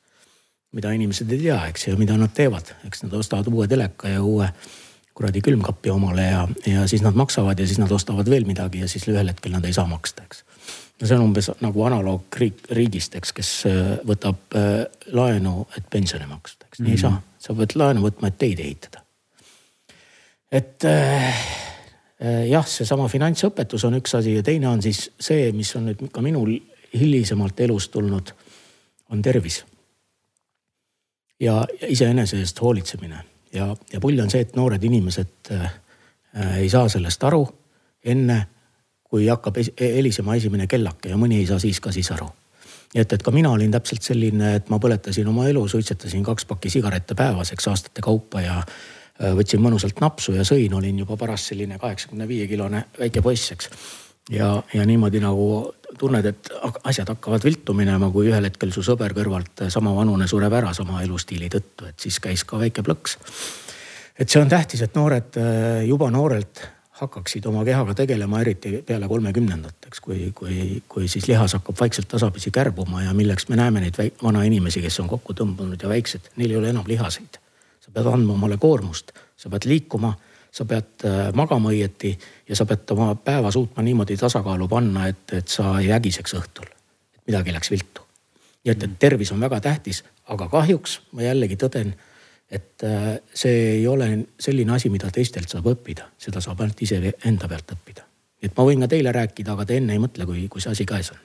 muidugi, kõik, kõik asjad tuleb ise ka läbi elada niimoodi. täpselt jah mm., nii on aga mõnda asja oleks tark tegu nii-öelda võtta arvesse Äh, järjekordselt äh,. kuule ära lase sellest. Äh, ei, ei lase häirida, ma kardan sellepärast, et ta ühel hetkel püsti ütled, et kuule, poisid. ei, ma arvan, et me võime rahulikult veel pool tundi rääkida no,, siis ei juhtu veel midagi. siis on, siis on kõik hästi. Äh, me teame, sa oled väga tihedalt aktsia, aktsiaturul sees ka. kui, mis, mis on su radaril praegu, mida sa ostad, mis, mis on sulle võib-olla mingid negatiivset asja toonud äh, just praegusel hetkel, mis suunas sa vaatad? just aktsiaturul äh,? ma, nagu ma räägin ka noortele ja kogu aeg seda propageerin, siis mina äh, üritan olla kogu aeg ostupoole peal, see tähendab, et ma ei tegele spekuleerimisega. et ma ostan ja müün, ostan ja müün, vaid ma ostan ja järjepidevalt ja kogu aeg ja sõltumata, mis see hind parajasti on. ja, ja mul on paika pandud plaan, et ma iga kuu esimesel iga kuu viimasel äh, reedel äh, võtan siis oma, oma juurde tekkinud rahavoo ette, vaatan, palju ma saan kulutada, mitte kulutada, vaid investeerida siis aktsiatesse ja teen oma ostud ära. ja on küsimus, kui pikaks ma selle kort-, äh, portfelli ajan, kas ma, kas ma ostan sinna sada ühikut erinevat asja või kolm ühikut, et ma pigem kui, kui, kui sa tahad julged riskida, siis mina hoiaksin mune rohkem ühes korvis ehk siis väiksem, väiksem jagatus kuivõrd suurem selleks, et siis ta ka tasandub ja, ja liigub ka nii-öelda vaiksema tõusuga mm. -hmm. et, et, et ma olen pidevalt ostupoolel, praegult ma ostan elektriautode kompaniisid kokku, olgu see Tesla või Hiina tootjad või veel mõned. siis ma ostan kinnisvarafonde kokku, Eestist näiteks Eften. Ameerikas on neid väga palju, kes maksavad ka igakuiselt dividendi ja, ja siis ongi see teine jagatuse aste on see või lahtilöömise aste, et kas sa tahad saada kapitali kasvu ehk siis, et äh, leiad aktsia, mis kasvab eriti kiiresti. või siis sa tahad, äh, sind see kasv väga ei huvist, huvita, aga et nad maksaksid sulle dividende kogu aeg jooksvalt rahavoogu. et, et, et, et ka kinnisvara, kinnisvara pool on väga hea rahavoo äh, aktsiad, nii et, et äh, ma olen praegult nendesse investeerinud ja lisaks on mul ka veel neid äh, kõige tavalisemaid äh, suuremate kompaniide aktsiaid, nagu olgu see siis Apple või Google või, või Facebook või, või Berkshire Hathaway ja, ja kõik sellised. nii et neid hoida nagu on alati. ja neid ma ostan kogu aeg juurde. ja sa ostad neid eraldi või sul on näiteks SB viissada või mingid siuksed mingi Äh, selles mõttes, et ma olen selle ise kuuest-seitsmest suuremast kokku pannud portfelli, mida ma iga kuu ostan raudselt no, kõigile, jagan oma nii-öelda ostusumma nende vahel ära ja, ja sõltumata, mis nende hind parajasti teeb mm. -hmm. nii et praegu on hea võimalus Teslat osta, äh, mis on viimastel päevadel üle kümne protsendi kukkunud, nii et, et ja eile ma tegingi ostu ära, jah, sõbrad siit nagu. see, see ei ole, see ei ma ole. tean Robini mulle pärast poodi, kuule nüüd ma hakkan küll teest lappa ma- ma ma- ma- mul on, mul on raha, mul on raha, mille eest Suurik, osta, ma Suurik ostan. teab ka onju, et niimoodi juhtub ka. selles mõttes, et äh, see ei ole siin Suurik ja, finantssoovitus, ja aga kõik teised, et ärge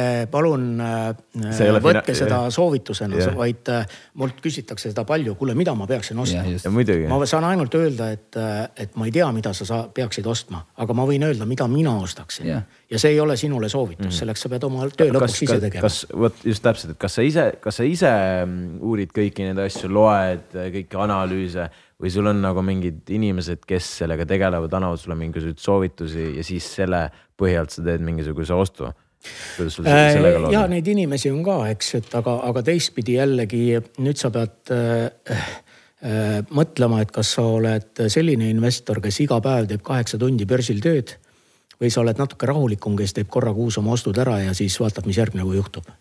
et äh, mina olen see pigem teist tüüpi, et ma võimalikult vähe tahan ennast äh, sinna äh, sellesse aega panustada, ehk siis ma teen oma töö seal ära ja tegelen kõik ülejäänud asjadega mis tähendab, et loomulikult ma ei loe Google'i finantsaruandeid selleks, et need ei ütle mulle mitte midagi, tuhandeid mm. lehekülgi mingeid numbreid, eks. me teame, palju on nende kasum, me teame, palju on nende käive ja me teame, mis on nende viimase kahekümne aasta või kümne aasta ajalugu börsil. me näeme graafikuid ja, ja me näeme, kas nad on maksnud dividende või ei ole.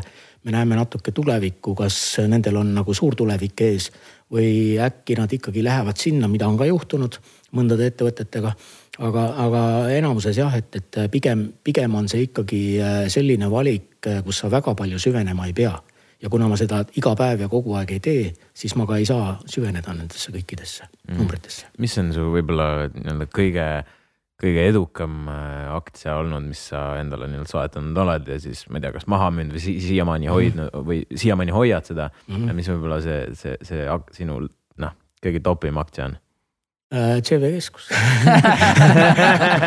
aga, aga jah, ei, mul on ka praegult paremaid, tegelikult on äh, jah, jah, ma olin see hulljulge, kes äh, julges kaksteist aastat tagasi LHV alustavasse panka raha investeerida ja see on ikka kamaluga tagasi toonud ja mm, -hmm. ja see ei ole realiseeritud tulu mm. -hmm. selles mõttes, et ta on nii-öelda numbriline kasum, aga rahaks muutub ta siis, kui selle peaks müüma mm. -hmm. kahjuks ma ei saa seda müüa, kuna ma olen ka juhtorganites äh, üks suuremaid aktsionäre ja, ja mul on selle tõttu piirangud. aga mm, -hmm. aga noh, niimoodi on. aga nemad maksavad sulle ju ka dividende, eks ole? ja muidugi jah ja,, üks päev alles laekus kakssada tuhat. nojah, me oleme ka LHV investorid, ka meil on aktsiaid. mul nii palju dividende ei laeku.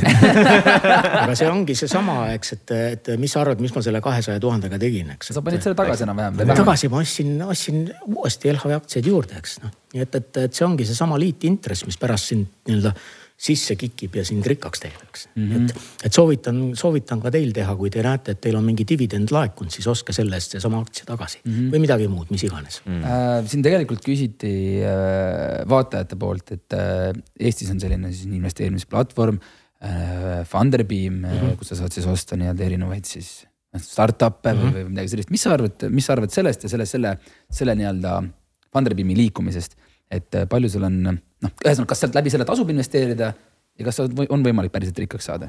see on, Funderbeam on selles mõttes nagu levinud idee väljamaal ka ja ta on Eestisse tõesti jõudnud mõned ajad tagasi. et, et seal siis listivad ennast sellised kompaniid, kes börsile ei saa veel minna, kellel ei ole nii palju jõudu, käivet ja, ja vahendeid. aga seal siis äh, nii-öelda nagu rahvas saab oma toetuse anda ja, ja neid osta-müüa mm. -hmm. nii et, et ta on tegelikult nagu natukene alternatiivne börs, mis on täiesti okei okay mina olen ka Funderbeami kaudu teinud äh, oma tehinguid ja viimase suurema laksuga saanud sealt kätte ehk siis väga suure kahjumi. tänu sellele, et ma sealtkaudu investeerisin sellisesse ettevõttesse nagu Change mm, -hmm. mis siis kukkus kokku. ja millel kõik ei tundu nii-öelda juhtimise poolest olevat väga, väga nii-öelda viisakalt tehtud, eks mm. -hmm. aga, aga sealtkaudu äh, osta ja müüa on täiesti okei okay. mm, -hmm. et aga jällegi igaüks peab oma töö ära tegema ja ise vaatama, kuhu ta äh, raha paneb või mida ta ostab. sa ütlesid, et suur summa, see oli sada tuhat. jah, vist üle saja kas sa Funderbeami, mis selle Funderbeami change'i juhiga said rääkida ka sellest või kuidas? nojah, no ma ei, ma võib-olla ei hakka seda lahti lahkama, aga aga nii palju ma ütlen, et ka rääkides teiste suuremate investoritega, siis noh, noh, kui peale aktsiaemissiooni nagu ostetakse kortereid ja, ja katuseneid penthouse'e, eks, et siis nagu ei tundu asjad päris nii, nagu nad peaks olema, eks, nii et. no see vist tundub, et nii tõesti ei peaks Ja, olema ja, aga ma realiseerisin selle kahjumi ära, et vaata jällegi, et sul on kaks võimalust, kas sa kulutad oma aega sellele, mida sa ilmselt tagasi ei teeni või ei saa. ja sa muuta ka seda ei ja saa. sa ei saa enam muuta seda või sa tõmbad joone alla ja see oli läinud raha kõik. võtad oma selle kaotuse vastu ja liigud edasi. ja niimoodi, niimoodi ma tegingi. Et change'ist sa, tulin välja jah, müüsin kõik oma jupid ära selle odava raha eest, mis seal veel pakuti ja nii et.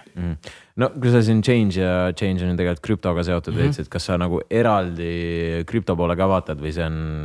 ma olen aastaid samamoodi sealt äh, juurde ostnud ja vahetult jällegi enne, kui see äh, nii-öelda suurem kukkumine siin aasta tagasi või millal see tuli, eks siis ma suutsin oma positsiooni realiseerida, tulla isegi väikse kasumiga sealt välja ja, ja, ja praegult ma olen ootel, aga ma olen selles mõttes äh, on krüpto väga hea spekuleerimise vahend, kui sa tahad äh, kiiresti kõvasti raha teenida ja muidugi võid ka samal ajal kaotada seda, siis krüpto on hea koht.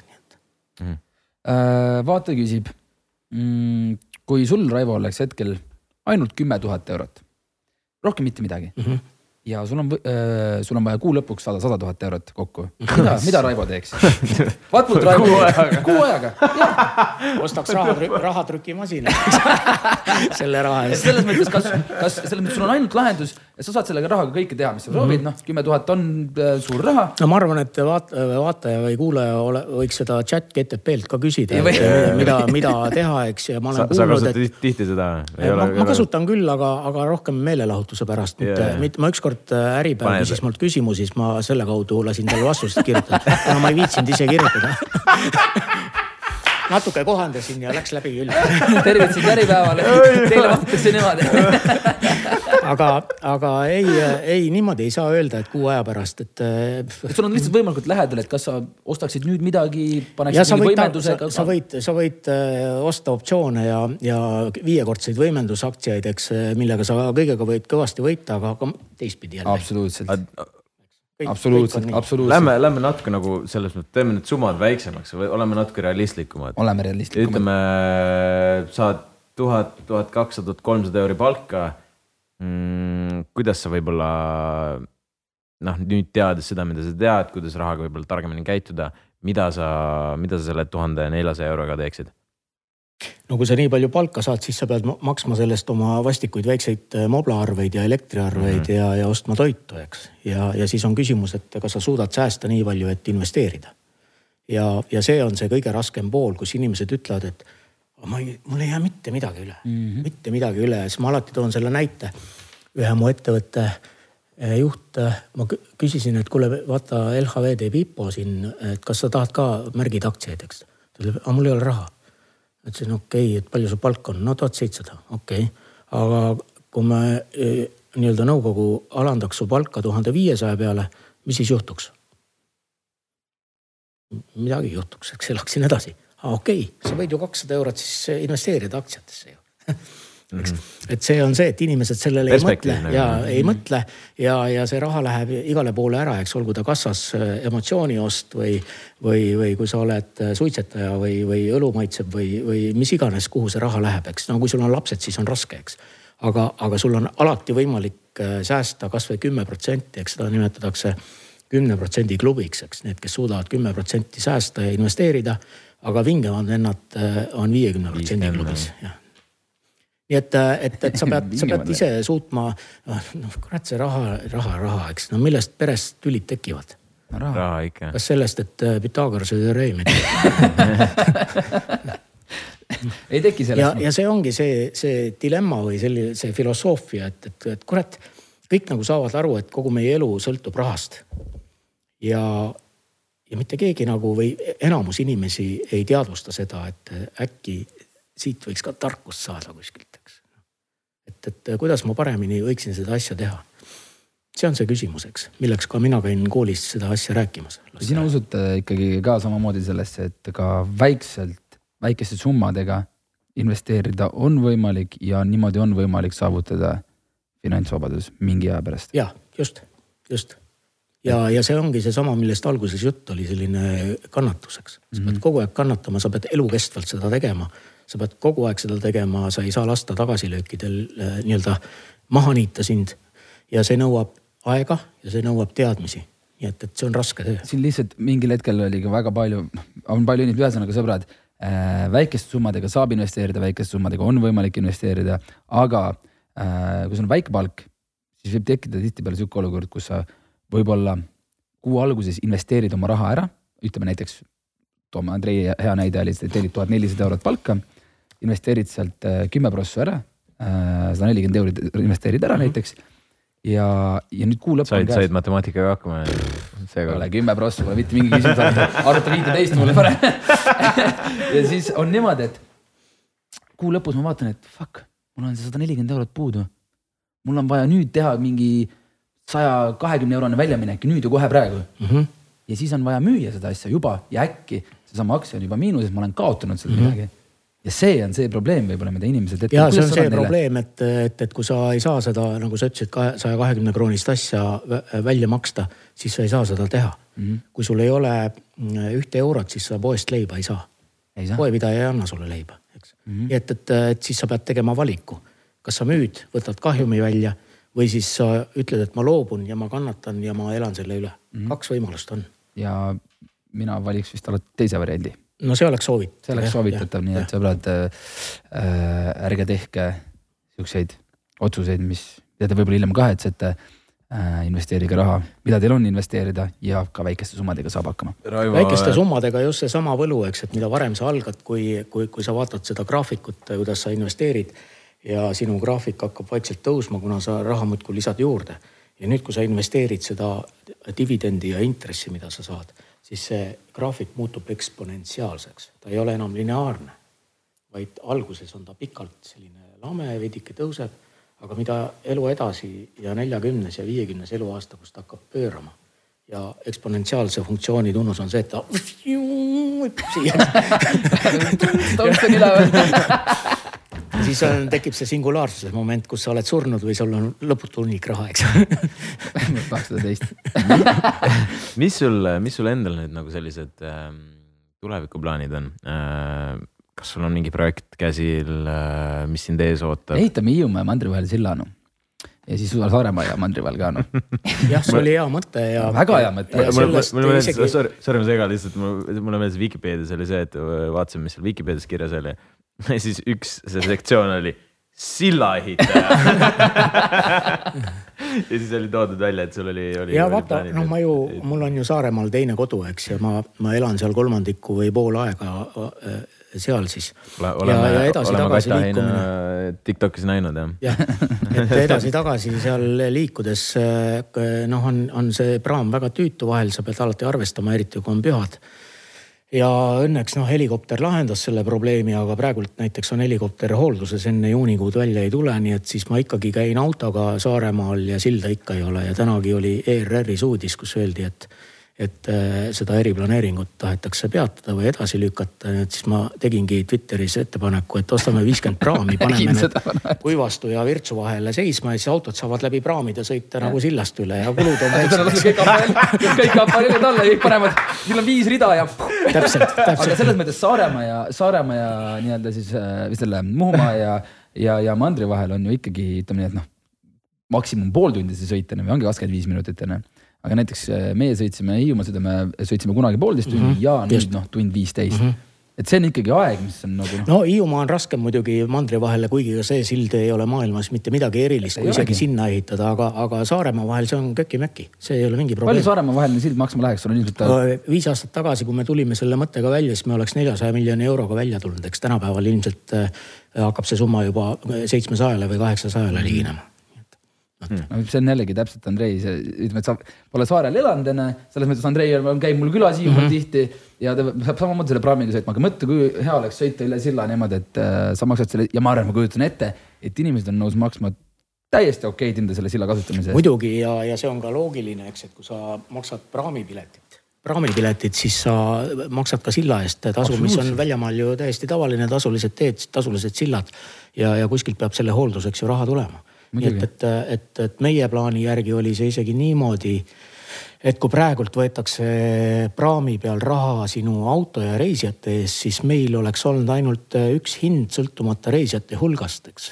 ja mm, -hmm. ja, ja see tähendab, et, et kui sa üksinda sõidaksid, siis võib-olla oleks veidikene kallim, aga kui sa ikkagi perega lähed, siis see on tükk maad odavam kui täna -hmm. nii et, et see oli see mõte. no mina toon lihtsalt hea näite sellest, et näiteks mina olen Hiiumaale sisse kirjutatud mm, -hmm. tänasel päeval mul äh, oma autot ei oma mm. -hmm. Äh, kuidas nii? aga me nüüd kohe omame kuidas nii no oma autot no, ilma kuradi autota ei tee ju tänapäeval mitte midagi no.. aga kui sa kasutad äh, nii-öelda siis teenuseid, kus sa saad autot lihtsalt võtta ja, ja ära panna. jah, see on, see on alternatiiv. kuna meil on ka Kadriorus, siis mul on hästi lihtne ja mugav liigelda. No, õnneks, siin võid jalaga käia.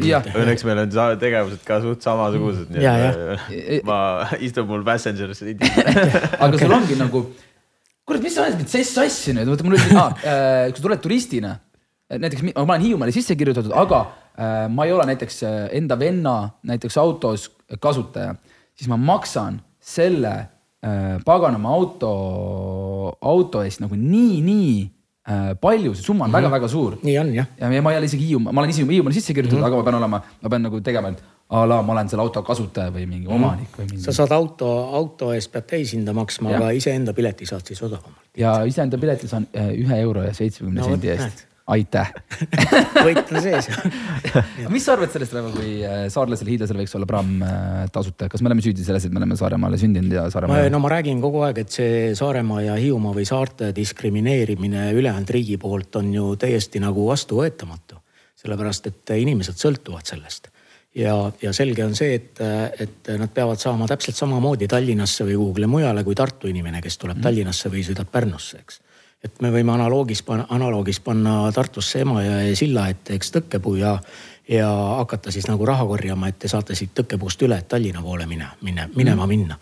nii et, et seda õnneks ei ole, aga selge on see, et niikaua kui silda ei ole nii kaua äh, peab kuidagimoodi sinna saama, laevadega saab, kui see on riigi käes, siis riik äh, võib seda doteerida ja doteeribki. ja selge see, et ka inimesed peavad omaosaluse maksma, muidu meil tekib tasuta transport, mida Savisaar juba kakskümmend aastat tagasi tegi, eks.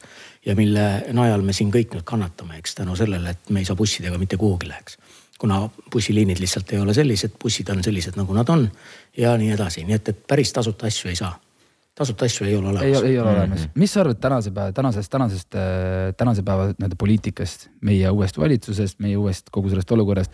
tõstame makse mm, -hmm. kas sa oled see tiim, tõstame makse või tiim, võtame riigile äh, veel rohkem võlga? oh, sellest me võime veel kaks tundi rääkida ta oli Twitteris ka, ma nägin, olid, olid päris head tweet'id. Noh. ja, ja, ja. Äh, Twitteris või Instagramis, kus ma panin, jah, ma ei mäletagi, aga, aga see ma olen nagu väga konkreetsel seisukohal, eks, et me teame, et, et ma, ma ei hakka nimetama ühtegi parteid, keda ma toetan või ei toeta, ma toetan liberaalset äh, ma, maailmavaadet. võimalikult palju vabadusi ja, ja mitte konservatiivsust, eks. Äh, ja, ja, ja kui, kui siiamaani kahe tuhande seitsmeteistkümnenda aastani Eesti suutis nagu hoida oma eelarve niivõrd, nii, niimoodi korras et jah, isegi liiga korras, et ei võetud ka isegi teedeehituseks laenu, eks, mida oleks võinud teha odavalt nullhinnaga. aga siis, kui Jüri Ratas tuli äh, äh, valitsusse, see tähendab, et Ossinovski ja Tsahkna suitsetasid kuskil ja, ja siis võtsid selle Reformierakonna valitsuse maha, eks. Yeah.. et, et pärast seda hakkasid asjad nagu allamäge minema, sellepärast et Keskerakond on ju vasak, vasakkonservatiivid vasak, no natuke liberaali ka, aga nad ju jagavad kõike tasuta, noh, me teame, tasuta transport, eks Kadri Simson tegi Eesti peale tasuta transpordi, ise pani Brüsselisse minema mm -hmm. ja nüüd itsitab seal pihku, eks. bussid ei sõida, eks, nii et või sõidavad siis, kui nad ise tahavad, mitte siis, kui inimestel vaja on. aga, aga see hetk hakkas sellest hetkest peale, kui eelarvet hakati laskma miinusesse. ja siis tuli EKRE veel valitsusse. kõik läks äh, nii nagu pidi minema ja siis tuli veel Covid peale ja ühesõnaga nüüd me siin istume, me kõik teame, et riigi rahandus ei ole korras. Ja nüüd tuleb valitsus, kes natukenegi vaatab, et asjad ei ole korras ja, ja kui sul see on seesama rahaõpetus inimese tasemel, et kui sa oled võlgu, eks, siis sa pead oma võlga ükskord maksma. ja me peamegi selle riigivõla nüüd kinni maksma läbi selle, et me, äh, ainuke võimalus riigil on makse võtta ja kulusid vähendada, eks, nii et, et, et ma, ma toetan seda, mind häirib pigem see, kuidas uut valitsust äh, nagu võetakse ette, et valetajad, varastajad yeah., eks ei lubanud algul, lubasid mm -hmm. seda. kõik nad on ju sellised mm, -hmm. kõik, mitte keegi ei lubanud mitte midagi konkreetset, eks. mitte keegi ei öelnud, äh, kust tuleb raha, kõik ütlesid, kuhu me anname raha, noh mm -hmm.. et, et, et, et noh, see on minu seisukoht, see on kas, vale. kas sa arvad, et, et meil on ministrite näol ja valitsuse näol üldse nagu hästi äh, ka varasemast valitsusest on meil nagu poliitikas hästi palju ebakompetentseid inimesi. Kuskohast tuleb see julgus võtta see vastutus äh, ministri kohal, kui sa tunned, et tegelikult ma ei ole pädev, ma ei ole kompetentne ja siis tulevad ja siis me tegeleme nende tagajärgedega, et mis sa nagu sellest arvad? ma arvan sellest väga üheselt, ma olen kogu aeg rääkinud, et Eesti ja üldse maailm vajab meritokraatiat. meritokraatia on selline Äh, valitsemise vorm, kus äh, valitsejad on äh, spetsialistid. See tähendab, et kui sa oled majandusminister, siis sa oled majanduses nagu kõva käpp ja kogu, kogu elu tööd teinud, sa tead, kuidas majandus toimib mm. -hmm. või kui sa oled tervishoius, siis sa oled kokku puutunud kogu selle arstindusega ja võib-olla lõpetanud ülikooligi. et Eestis on, seda ei ole meil on poliitikud, on ükskord on ta haridusminister, siis on tal kultuuriminister, ta on ühesõnaga iga asja peale käsi. vahet ei ole, iga asja peale teeme ära, eks ja, ja see on muidugi väga kurb äh, osad ministrid on pädevad, enamus nendest tõesti ei ole pädevad või, või paljud, siis ma mõtlen nii-öelda lähiajaloost, eks. et äh, nad pannakse sinna ette, kuna nad on poliitikud ja poliitikut ei huvita, kas ta on äh, pädev või ei ole mm. -hmm. ta on poliitik, eks, ja tal on majalaen ja tal on autoliising, mida on vaja maksta mm.. ja sul on mingisugune ettevõtlusminister, kes kunagi näiteks ei ole ühtegi ettevõtet omanud. täpselt, täpselt. On... või nagu see majandusõpetaja, kes ei tea, kuidas aktsiaid osta, eks. Jah, ja, ja, see, ja see on tegelikult päris crazy. on küll jah, muidugi on, on. seda ja... ma räägin, et lõpuks kogu kõikide probleemide algallikas on äh, õpetajate palk. ehk siis see, et meil on pädevad õpetajad, kes suudavad lapsi õpetada mitte tuupimisühiskonnas, vaid mm õhinapõhises ühiskonnas, eks, või õppimisvormis nii et, et, et kui sa koolis õpid ekstreempunkte matemaatikas, siis sa ei õpi seda mitte pähe, aga sa saad ka aru, mis see on, mis mm. seal taga on. eks kuidas see asi töötab, milleks mul seda vaja on? No.. ja, ja, ja, ja kui meil ei ole selliseid õpetajaid, siis me vindumegi edasi. muidugi.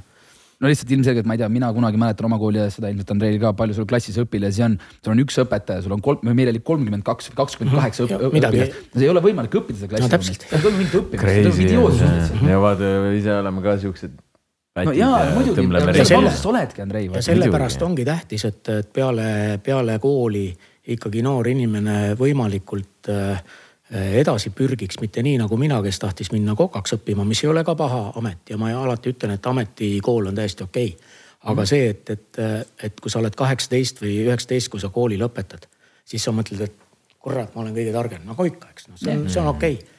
aga tegelikult, millal tuleb see teadmine peale, et äh, asjad nii ei tööta või et asjad hoopis töötavad teistmoodi. minu puhul juhtus see ülikooli nii-öelda lõpus, eks, kui ma hakkasin aru saama üldse maailmast, kuidas maailm töötab ja maailmakord, kuidas töötab, kuidas inimeste suhted töötavad, kuidas majandus töötab. ja, ja, ja kui ma sain teada, et asukoha, asukoha tuletis on kiirus füüsikas, mida meile koolis ei õpetatud. ja, ja, ja kui ma sain teada üldse, mis on tuletis, mida meile koolis küll õpetati, aga ei öeldud, mis asi see on. ühesõnaga, sa hakkad nägema asju mm -hmm. tagantpoolt, et see on tähtis. noored, õppige, minge õppima ja, ja oma, omandage haridust ja, ja haritust. absoluutselt, ma olen sellega selles mõttes väga-väga nõus. ma näiteks äh, Andreiga oleme viimasel ajal samamoodi kodus õhtuti, vaata tuleb ERR-i pealt see esimene stuudio mm, -hmm. kus tegelikult ma juba ütlen praegu, et nagu noored, ma olen kakskümmend, ma sain just kakskümmend kuus mhm. onju Äh, ja ma hakkasin alles mingi kaks aastat tagasi või jah, poolteist aastat tagasi vaatama neid asju. no vaat, näed, hea näide, hea näide jah. ja see on hilja. hilja ei ole mitte kunagi. hilja ei ole kunagi. Sa, sa tahaksid olla juba varasemalt kursis, et, et kui meil, mis meil nagu päriselt vaata riigis toimub, sest see on ka sinu asi, mis sul mm -hmm. riigis toimub. et sa teeksid selle kõige õigema valiku päeva lõpuks mm, -hmm. keda, kus, mis mm, -hmm. kellega. ja no ma ütlen, et, et see võib-olla selles mõttes hilja ei ole, aga see on hea näide, et Just. vaata, sa oled jõudnud kahekümne kuuendaks Äh, noh, ülikool lõpetatakse umbes natuke varem, kahekümne viiendal, neljandal eluaastal. ma lõpetasin kaks aastat tagasi. ja no vot, et, et selleks ajaks sul on hakanud tekkima maailmapilt ja sa oledki hakanud sinna sisse minema ja, ja seda asja nii-öelda endasse haarama. et see on tähtis, see on tähtis mm. -hmm. jällegi, kui sul ei ole haridust äh, ja sa suhtled selliste inimestega, kelle jaoks see ei oma mingit tähtsust, siis, siis ei omagi ja siis ei olegi täpselt nii ongi. sõbrad, enne kui me podcast'iga edasi liigume, siis meil on väike teadaanne teile. meil on oma e-pood www.missintoimub.com. ja meie e-poest võid leida erinevaid särke, pusasid, kruuse ja isegi näiteks hiiremati, nii et sõbrad, palun minge ostke endale lemmiktoode. ja kasutades koodi MST kakskümmend saad kakskümmend protsenti alla kõikidelt ostudelt www.missintoimub.com. jätkame podcast'iga. sõbrad, valige enda enda lähedale õigeid inimesi, tarku inimesi äh, inimesi, kes viivad teid edasi, nii nagu Raivo ütles äh,. sest see on kõige tähtsam. jah, Raivo, ma ei tea, palju sul nüüd aega veel jäänud on me hoiame oh. veel sind kinni või? no kui, kui te tahate, siis ma näpistan veel või. näpistame kõik teiste arvelt, meie arvelt. oota, aga sa, sa nende tulevikuplaanide kohta, sa rääkisid sellest äh, silla ehitamisest, mis, mis sul veel ah,? see jäi pooleli. ja mis sul veel edasi ootab? mul, mul ei ole enam väga suuri plaane, kuivõrd mõnusalt oma elu lõpuni venitada välja ja viimasel päeval öelda, et jess, tegin ära mm. -hmm. et, et see on nagu väga hea eesmärk, et, et sa oled rahul oma eluga, kuidas ta on läinud ja enam-vähem on kõik okei okay.. mul ei ole äh, suuri äriplaane, vaid ma jätkan investeerimist igapäevaselt, igakuiselt ja kogu aeg. Äh, mul on plaanid äh, küll tehtud, et ma kavatsen lõunamaale millalgi kolima, kolida elama ära just talveperioodiks, aga sinna võtab vist natukene aega. sul on mingisugune kinnisvara välismaal ka juba? mul veel ei ole, aga see, see plaan on. no kuskil, kus on soe just, eks, nii et, et Mm. et, äh, et ma just eelmine nädal või üle-eelmine nädal tulin sealt, küll oli mõnus aga, aga jah, selliseid äh, suuremaid, pigem, pigem seesama äh, oma tasakaalu säilitamine, oma tervisega tegelemine ja, ja kui, kes see mult küsis, et sa tahad ka nagu lõpp äh,, hästi kaua elada. keegi ajakirjanik küsis, et ei, eesmärk ei ole mitte hästi kaua elada, vaid eesmärk on elada tervelt ehk siis tervena elatud aastad, mis mehe puhul on viiskümmend seitse, umbes viiskümmend neli, viiskümmend viis pärast seda hakkab juba vaikselt viltu minema. nii et, et kui me, kui me, kui me, kui me tõstame oma tervena elatuid aastaid eh, niivõrd kõrgeks kui võimalik, siis me elame ka kaua. nii et, et see on eesmärk, et me tervena elaksime mm. -hmm ja, ja sellised need plaanid ongi, nii et, et, et eh, lapsed ja lapselapsed ja, ja, ja, ja nii edasi mm. -hmm. kui tihti kivikaga trenni teed? Praegult me enam ei tee ja kui ma alustasin neli aastat tagasi, siis me aasta aega koos tegime, ta mm. õpetas mind nii-öelda välja ja praegu enam ei ole põhjust selleks, et ma ju ei lähe lavale mm.. ma teen seda iseenda jaoks, jah. ja mul on oma, oma jõusaalid olemas, kus ma käin kodudes. Äh, selles mõttes, et ma ei pea isegi minema kuhugile. iga päev liigutad ennast? ja iga päev jah, tänagi hommik algas viis kilomeetrit, ei kõigepealt on jäätünn nullkraadises vees, siis mm -hmm. on viis kilomeetrit jooksu siis on jõutreening umbes pool kuni kolmveerand tundi ja pärastlõunat on veel koeraga ka viis kilomeetrit jalutamist, nii et, et äh, selline on see liikumisplaan. see oli hommiku algus või? ja see oli hommiku alguses millega me tegeleme siis vahepeal siuksed asjad mulle nagu. võta koer, võta koer. ja see on aus, ma olengi mõelnud, mulle, mulle koerad väga meeldivad ja siis ma mhm. mingi, et kurat, noh, aga siis peab ju väljas käima, samas tegelikult ju peaks ju rohkem väljas käima. koer on see, kes viib sind lõpuks välja ja te vahepeal, vahepeal vaata siuksed podcast'id mulle täiega meeldivad, et sa oledki, et nagu noh et sa oled juba viiskümmend seitse ja sa räägid mulle, kuidas sa hommikul panid juba viis erinevat siukest tegevust, eriti aktiivset tegevust. siis me ärkame, tuleme siia. vaata, aga see ei, see ei tähenda, et sina midagi valesti teed. aga teistpidi tähendab see seda, et, et vaata, kui palju see tegelikult võtab aega, et sa peaksid väga vara tõusma, kui sul on vaja veel ka tööle minna või lapsi mm -hmm. kooli viima. et, et see kõik nõuab oma aja, nii et see ongi jällegi seesama aja planeerimine, et mina õnneks ei pea seda tegema nii et ma saan hommikul oma kolm-neli tundi sellele pühenduda aga kui sa pead nagu tööle ka veel pärast minema, siis sa alustad kell kuus, eks no.. Mm. siin tegelikult oli vaatajatele üks küsimus, et sul on äh, väga pikaaegne abikaasa äh,. kuidas sa praegu tänasel päeval, ma saan aru, et noh, sa, sa, sa ütlesid, et sa ei tegele, sa teed oma päeva täpselt selliseks, nagu sina soovid mm. -hmm. et äh, võib-olla võtame siin aastad tagasi, et kuidas sa nagu balansseerisid seda nii-öelda enda pereelu, enda ärielu ja nüüd, kuidas see on nagu muutunud ma olen alati äh, prioritiseerinud pereelu ja alati sellele olnud ka pühendatud juba alates sellest ajast, kui ma abiellusin. ja jällegi kõik saab alguse kodust, eks, et kui ma vaatan, kuidas mu ema ja isa olid eluaeg abielus. Äh, veel mõned lähedasemad, lähedasemad tuttavad, siis minu arust nagu tundus see õige. teistpidi ma alati ütlen, et sa ei tohi ennast äh, nagu piinama hakata, kui on suhe ikkagi vale, siis, siis, siis on vale, eks. mul läks hästi Äh, loomulikult me oleme ka oma äh, kriisid kõik üle elanud, nagu ikka inimestel tuleb ette, et kõik ei ole alati -hmm. nii ilus ja kena, nagu väljast on näha või Instagram näitab, eks mm. -hmm. et, äh, et, et on ka halvemaid aegu, aga selle nimel tuleb samuti tööd teha.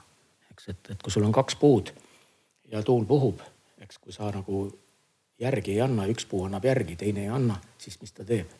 teine puu krõps, kukub pikali ja murdub ära, eks, eks seesama nii-öelda kogu see kooselu ongi üks suur kompromiss, üks kuradi kompromisside tegemine mm. iseenda peas ja, ja, ja teistega mm. et, et olgu need lapsed ja, ja naine ja, ja vanemad või kes iganes, kogu aeg sa pead tegema kompromisse. ja, ja selles mõttes jah, kolmkümmend kolm aastat ma olen olnud abielus ja, ja kavatsen olla siis elu lõpuni oma naisega abielus, vähemalt praeguse seisuga ma usun, et see ei muutu, sellepärast et nüüd on juba hilja aga, aga kompromissid on tähtsad ja, ja see, et, et noh, alguses on ju, ei ole suur armumine ja kirg ja isegi kui see hilisemas eas veidike lahtub, siis armastus aina kasvab. nii et, et, et, et see armastus, austus, üksteise austus ja teise, teineteisega arvestamine, et see läheb aina suuremaks ja paremaks. nii et soovitan, soovitan kõigil oma suhet hoida nii palju kui võimalus mm.. ilus Te..., Andrei, küsi see, see enda küsimus alati ära, mis sa lõpus küsid. mis ma küsin? sa tead ju tead mu küsimust, oma lõpu, oma, oma lõpuküsimust alati. Mis on elu mõte? ei, see, ta küsib alati, Andrei küsimus on, ma küsin siis seekord ise. Raivo, enne kui me lõpetame, ma tean, Andrei selles mõttes. Enne kui me lõpetame me.... ma tahtsin küsida tegelikult, millal, millal, millal Raivo Tiktoki teeb? Aga see on ka aus küsimus, muidugi, see ei ole veel lõpuküsimus. mul on Tiktok olemas, seal on isegi viis, viis või kuus videot, aga ma ei tea, kas neid vaadatakse. mul äppi ei ole, ma olen suurest arvutist vaadanud Raivo, see on kriminaalne, kui sa vaatad Tiktoke desktopilt nagu. sellest peaks trahvi saama. no ma vaatan aeg-ajalt jah, kui Kata jälle teeb ja siis ma, siis ma käin. kuidas, kuidas sa suhtud sellesse, kui ta nüüd jälle nüüd teeb sul terve kodu, kodu mingisuguse. tead, algul oli see okay, võib-olla natukene, natukene häiriv meile naisega, aga äh,, aga nüüd aastaid hiljem juba ta on ise ka suuremaks saanud, täiskasvanumaks saanud ja, ja me ütleme ja mulle meeldib alati öelda, et, et kui sa oled milleski hea, siis see peab nii olema, eks, ja ta on hea selles, ta oskab seda teha või ta vähemalt äh, keegi jälgib teda ja keegi annab talle. paneb laite. inimesi ja, nagu vaatama. just, just, et kui sa seda hästi teed, tee siis. kõige ideaalsem oleks, kui sa raha ka sealt teeniks aga las ta teeb, ta, ta yeah., ta tahab teha ja see on okei okay. tänapäeva, tänapäeva noorusega sa ei saa öelda, eks nii see on. ma arvan lihtsalt, vaata, ma kujutan ette, et tal võis ka päris raske vahepeal olla tänu sellele, et kui ta neid pani, siis inimesed on inimesed, kommentaarium läheb kihama, inimesed on kadedad, inimesed on, solvavad. ja, ja, ja, ja, et selles mõttes ma kujutan ette, et oleks päris raske. seda me just üks päev temaga arutasimegi.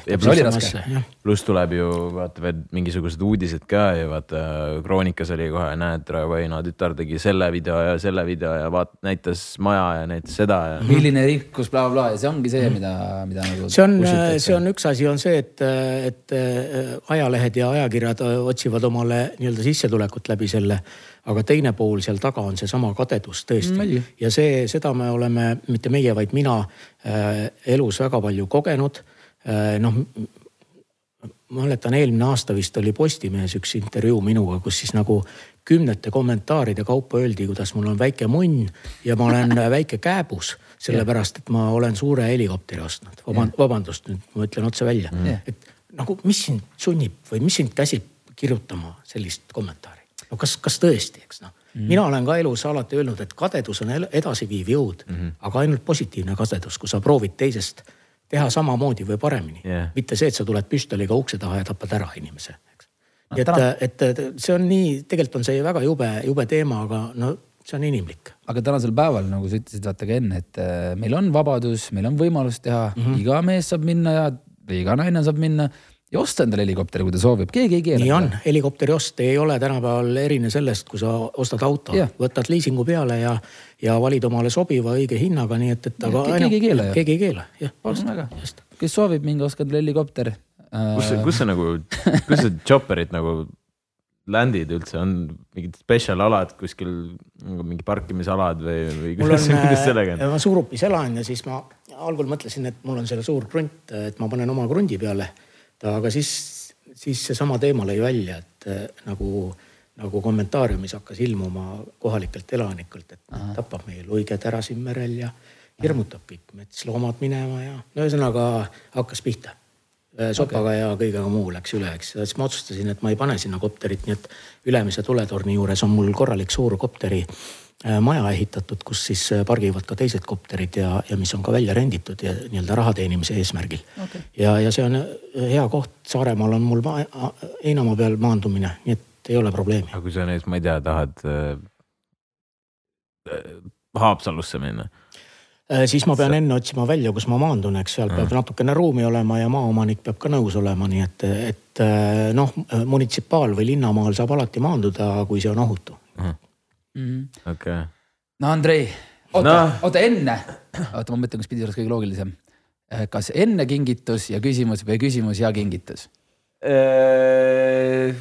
anna kingitus davai, ma annan kingituse okay.. Raivo, meie poolt on üks kingitus, kui okay. Sa, kui sa oled võib-olla, võib-olla oled kuskil uudistemagasinide ridadelt lugenud, siis me tegime vahepeal läbi aegade Eesti kõige kallim reality show, mille me filmisime Türgis mm. -hmm. me tellisin sulle pusa.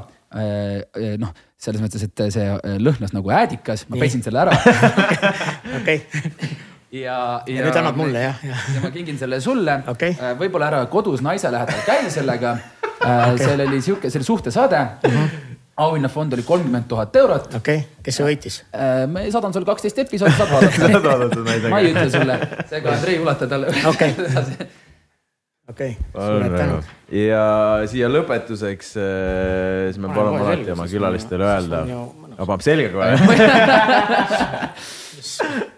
oh hea suhe. filmisime seda kurat, Vene Türgis. ajal oleks sellise saja rublaga ära müünud. Sa edasi müünud, müünud ka?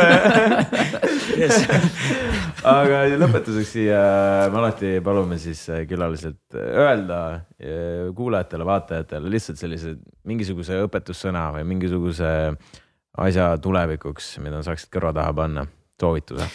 No tegelikult on see jutuajamine täis olnud selliseid sõnu, et, et veel kord, mis on elus tähtsad, tähtsad on tervis, tähtis on rahaline oskus ja tähtis on inimsuhted, kolm asja. nii et kui need kolm asja on nagu, nagu sul enam-vähem tasakaalus paika pannud, siis sa oled õnnelik. jah, väga ilus. Ma arvan, siin, siin sai nii mõnigi inimene targemaks. Raivo on nüüd järgmisele kohtune, kohtumisele hilinemas. mul ei ole järgmist kohtumist, ma pean minema autot remonti korra viima, nii et, noh, et sellepärast.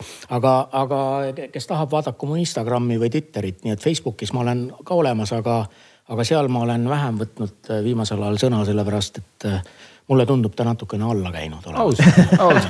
Twitteris sa räägid natuke No no, poliitikast, nonsense. mingisugusest päevakajalistest just Instagramis. näitad ilusat õnnelikku elu, eks. ja Instagramis natuke ikka siukest chopper just. et see käib selle Instagramiga kaasas. kahjuks nii on jah, või õnneks ja. Raivo, aitäh, suur-suur aitäh tulemast. aitäh kutsumast, oli tore. ja, ja ma loodan, et väga paljud inimesed said siit midagi kõrva taha panna. Meie tegeleme oma investeerimisega edasi. Tegelege, muidugi. absoluutselt. Niikaua kui raha peale tuleb, nii kaua saab seda teha. välja, välja ei võta. välja ei võta. väga hea, õige. ja, ja jah, mis seal ikka, kuulake meid äh, Spotify'st, Apple podcast'is, jälgige Patreonis. ma olen seal siis viieteistkümne. mis asi on? Patreon? ma ei teagi. no kohe räägime. Patreon, Patreon on siis selline platvorm, kus sa saad siis äh, nii-öelda meid siis, ütleme meid äh, jälgida Nii. äh, mingisuguse summa eest, ütleme, seal on, ma ei tea, meil on 50, viis, 15. viis, kümme, viisteist. nii, ja mis me näeme seal mingit nagu on OnlyFansi sellised või? väiksed, asi te- veel? OnlyFansi pilte teist või? väikse summa annad ja see Martin teeb ahaa. sa näed, Raivo, Raivo, sa näed seda podcast'i näiteks sa näed kõikidest teistest enne. Enne näed, sul on mingid boonused, ühesõnaga noh, kõik on nagu nii-öelda No- boonussüsteemide peal. no ja võib-olla mõne. dick-pic'i ka vahel. ühesõnaga sihuke asi on meil olemas, nii et kui sa tahad toetada, siis äh, mine Patreoni, aga ma loodan, sulle see äh, episood meeldis, aitäh veel kord, Raivo ja näeme teiega juba varsti. näeme varsti. tšau. tšau.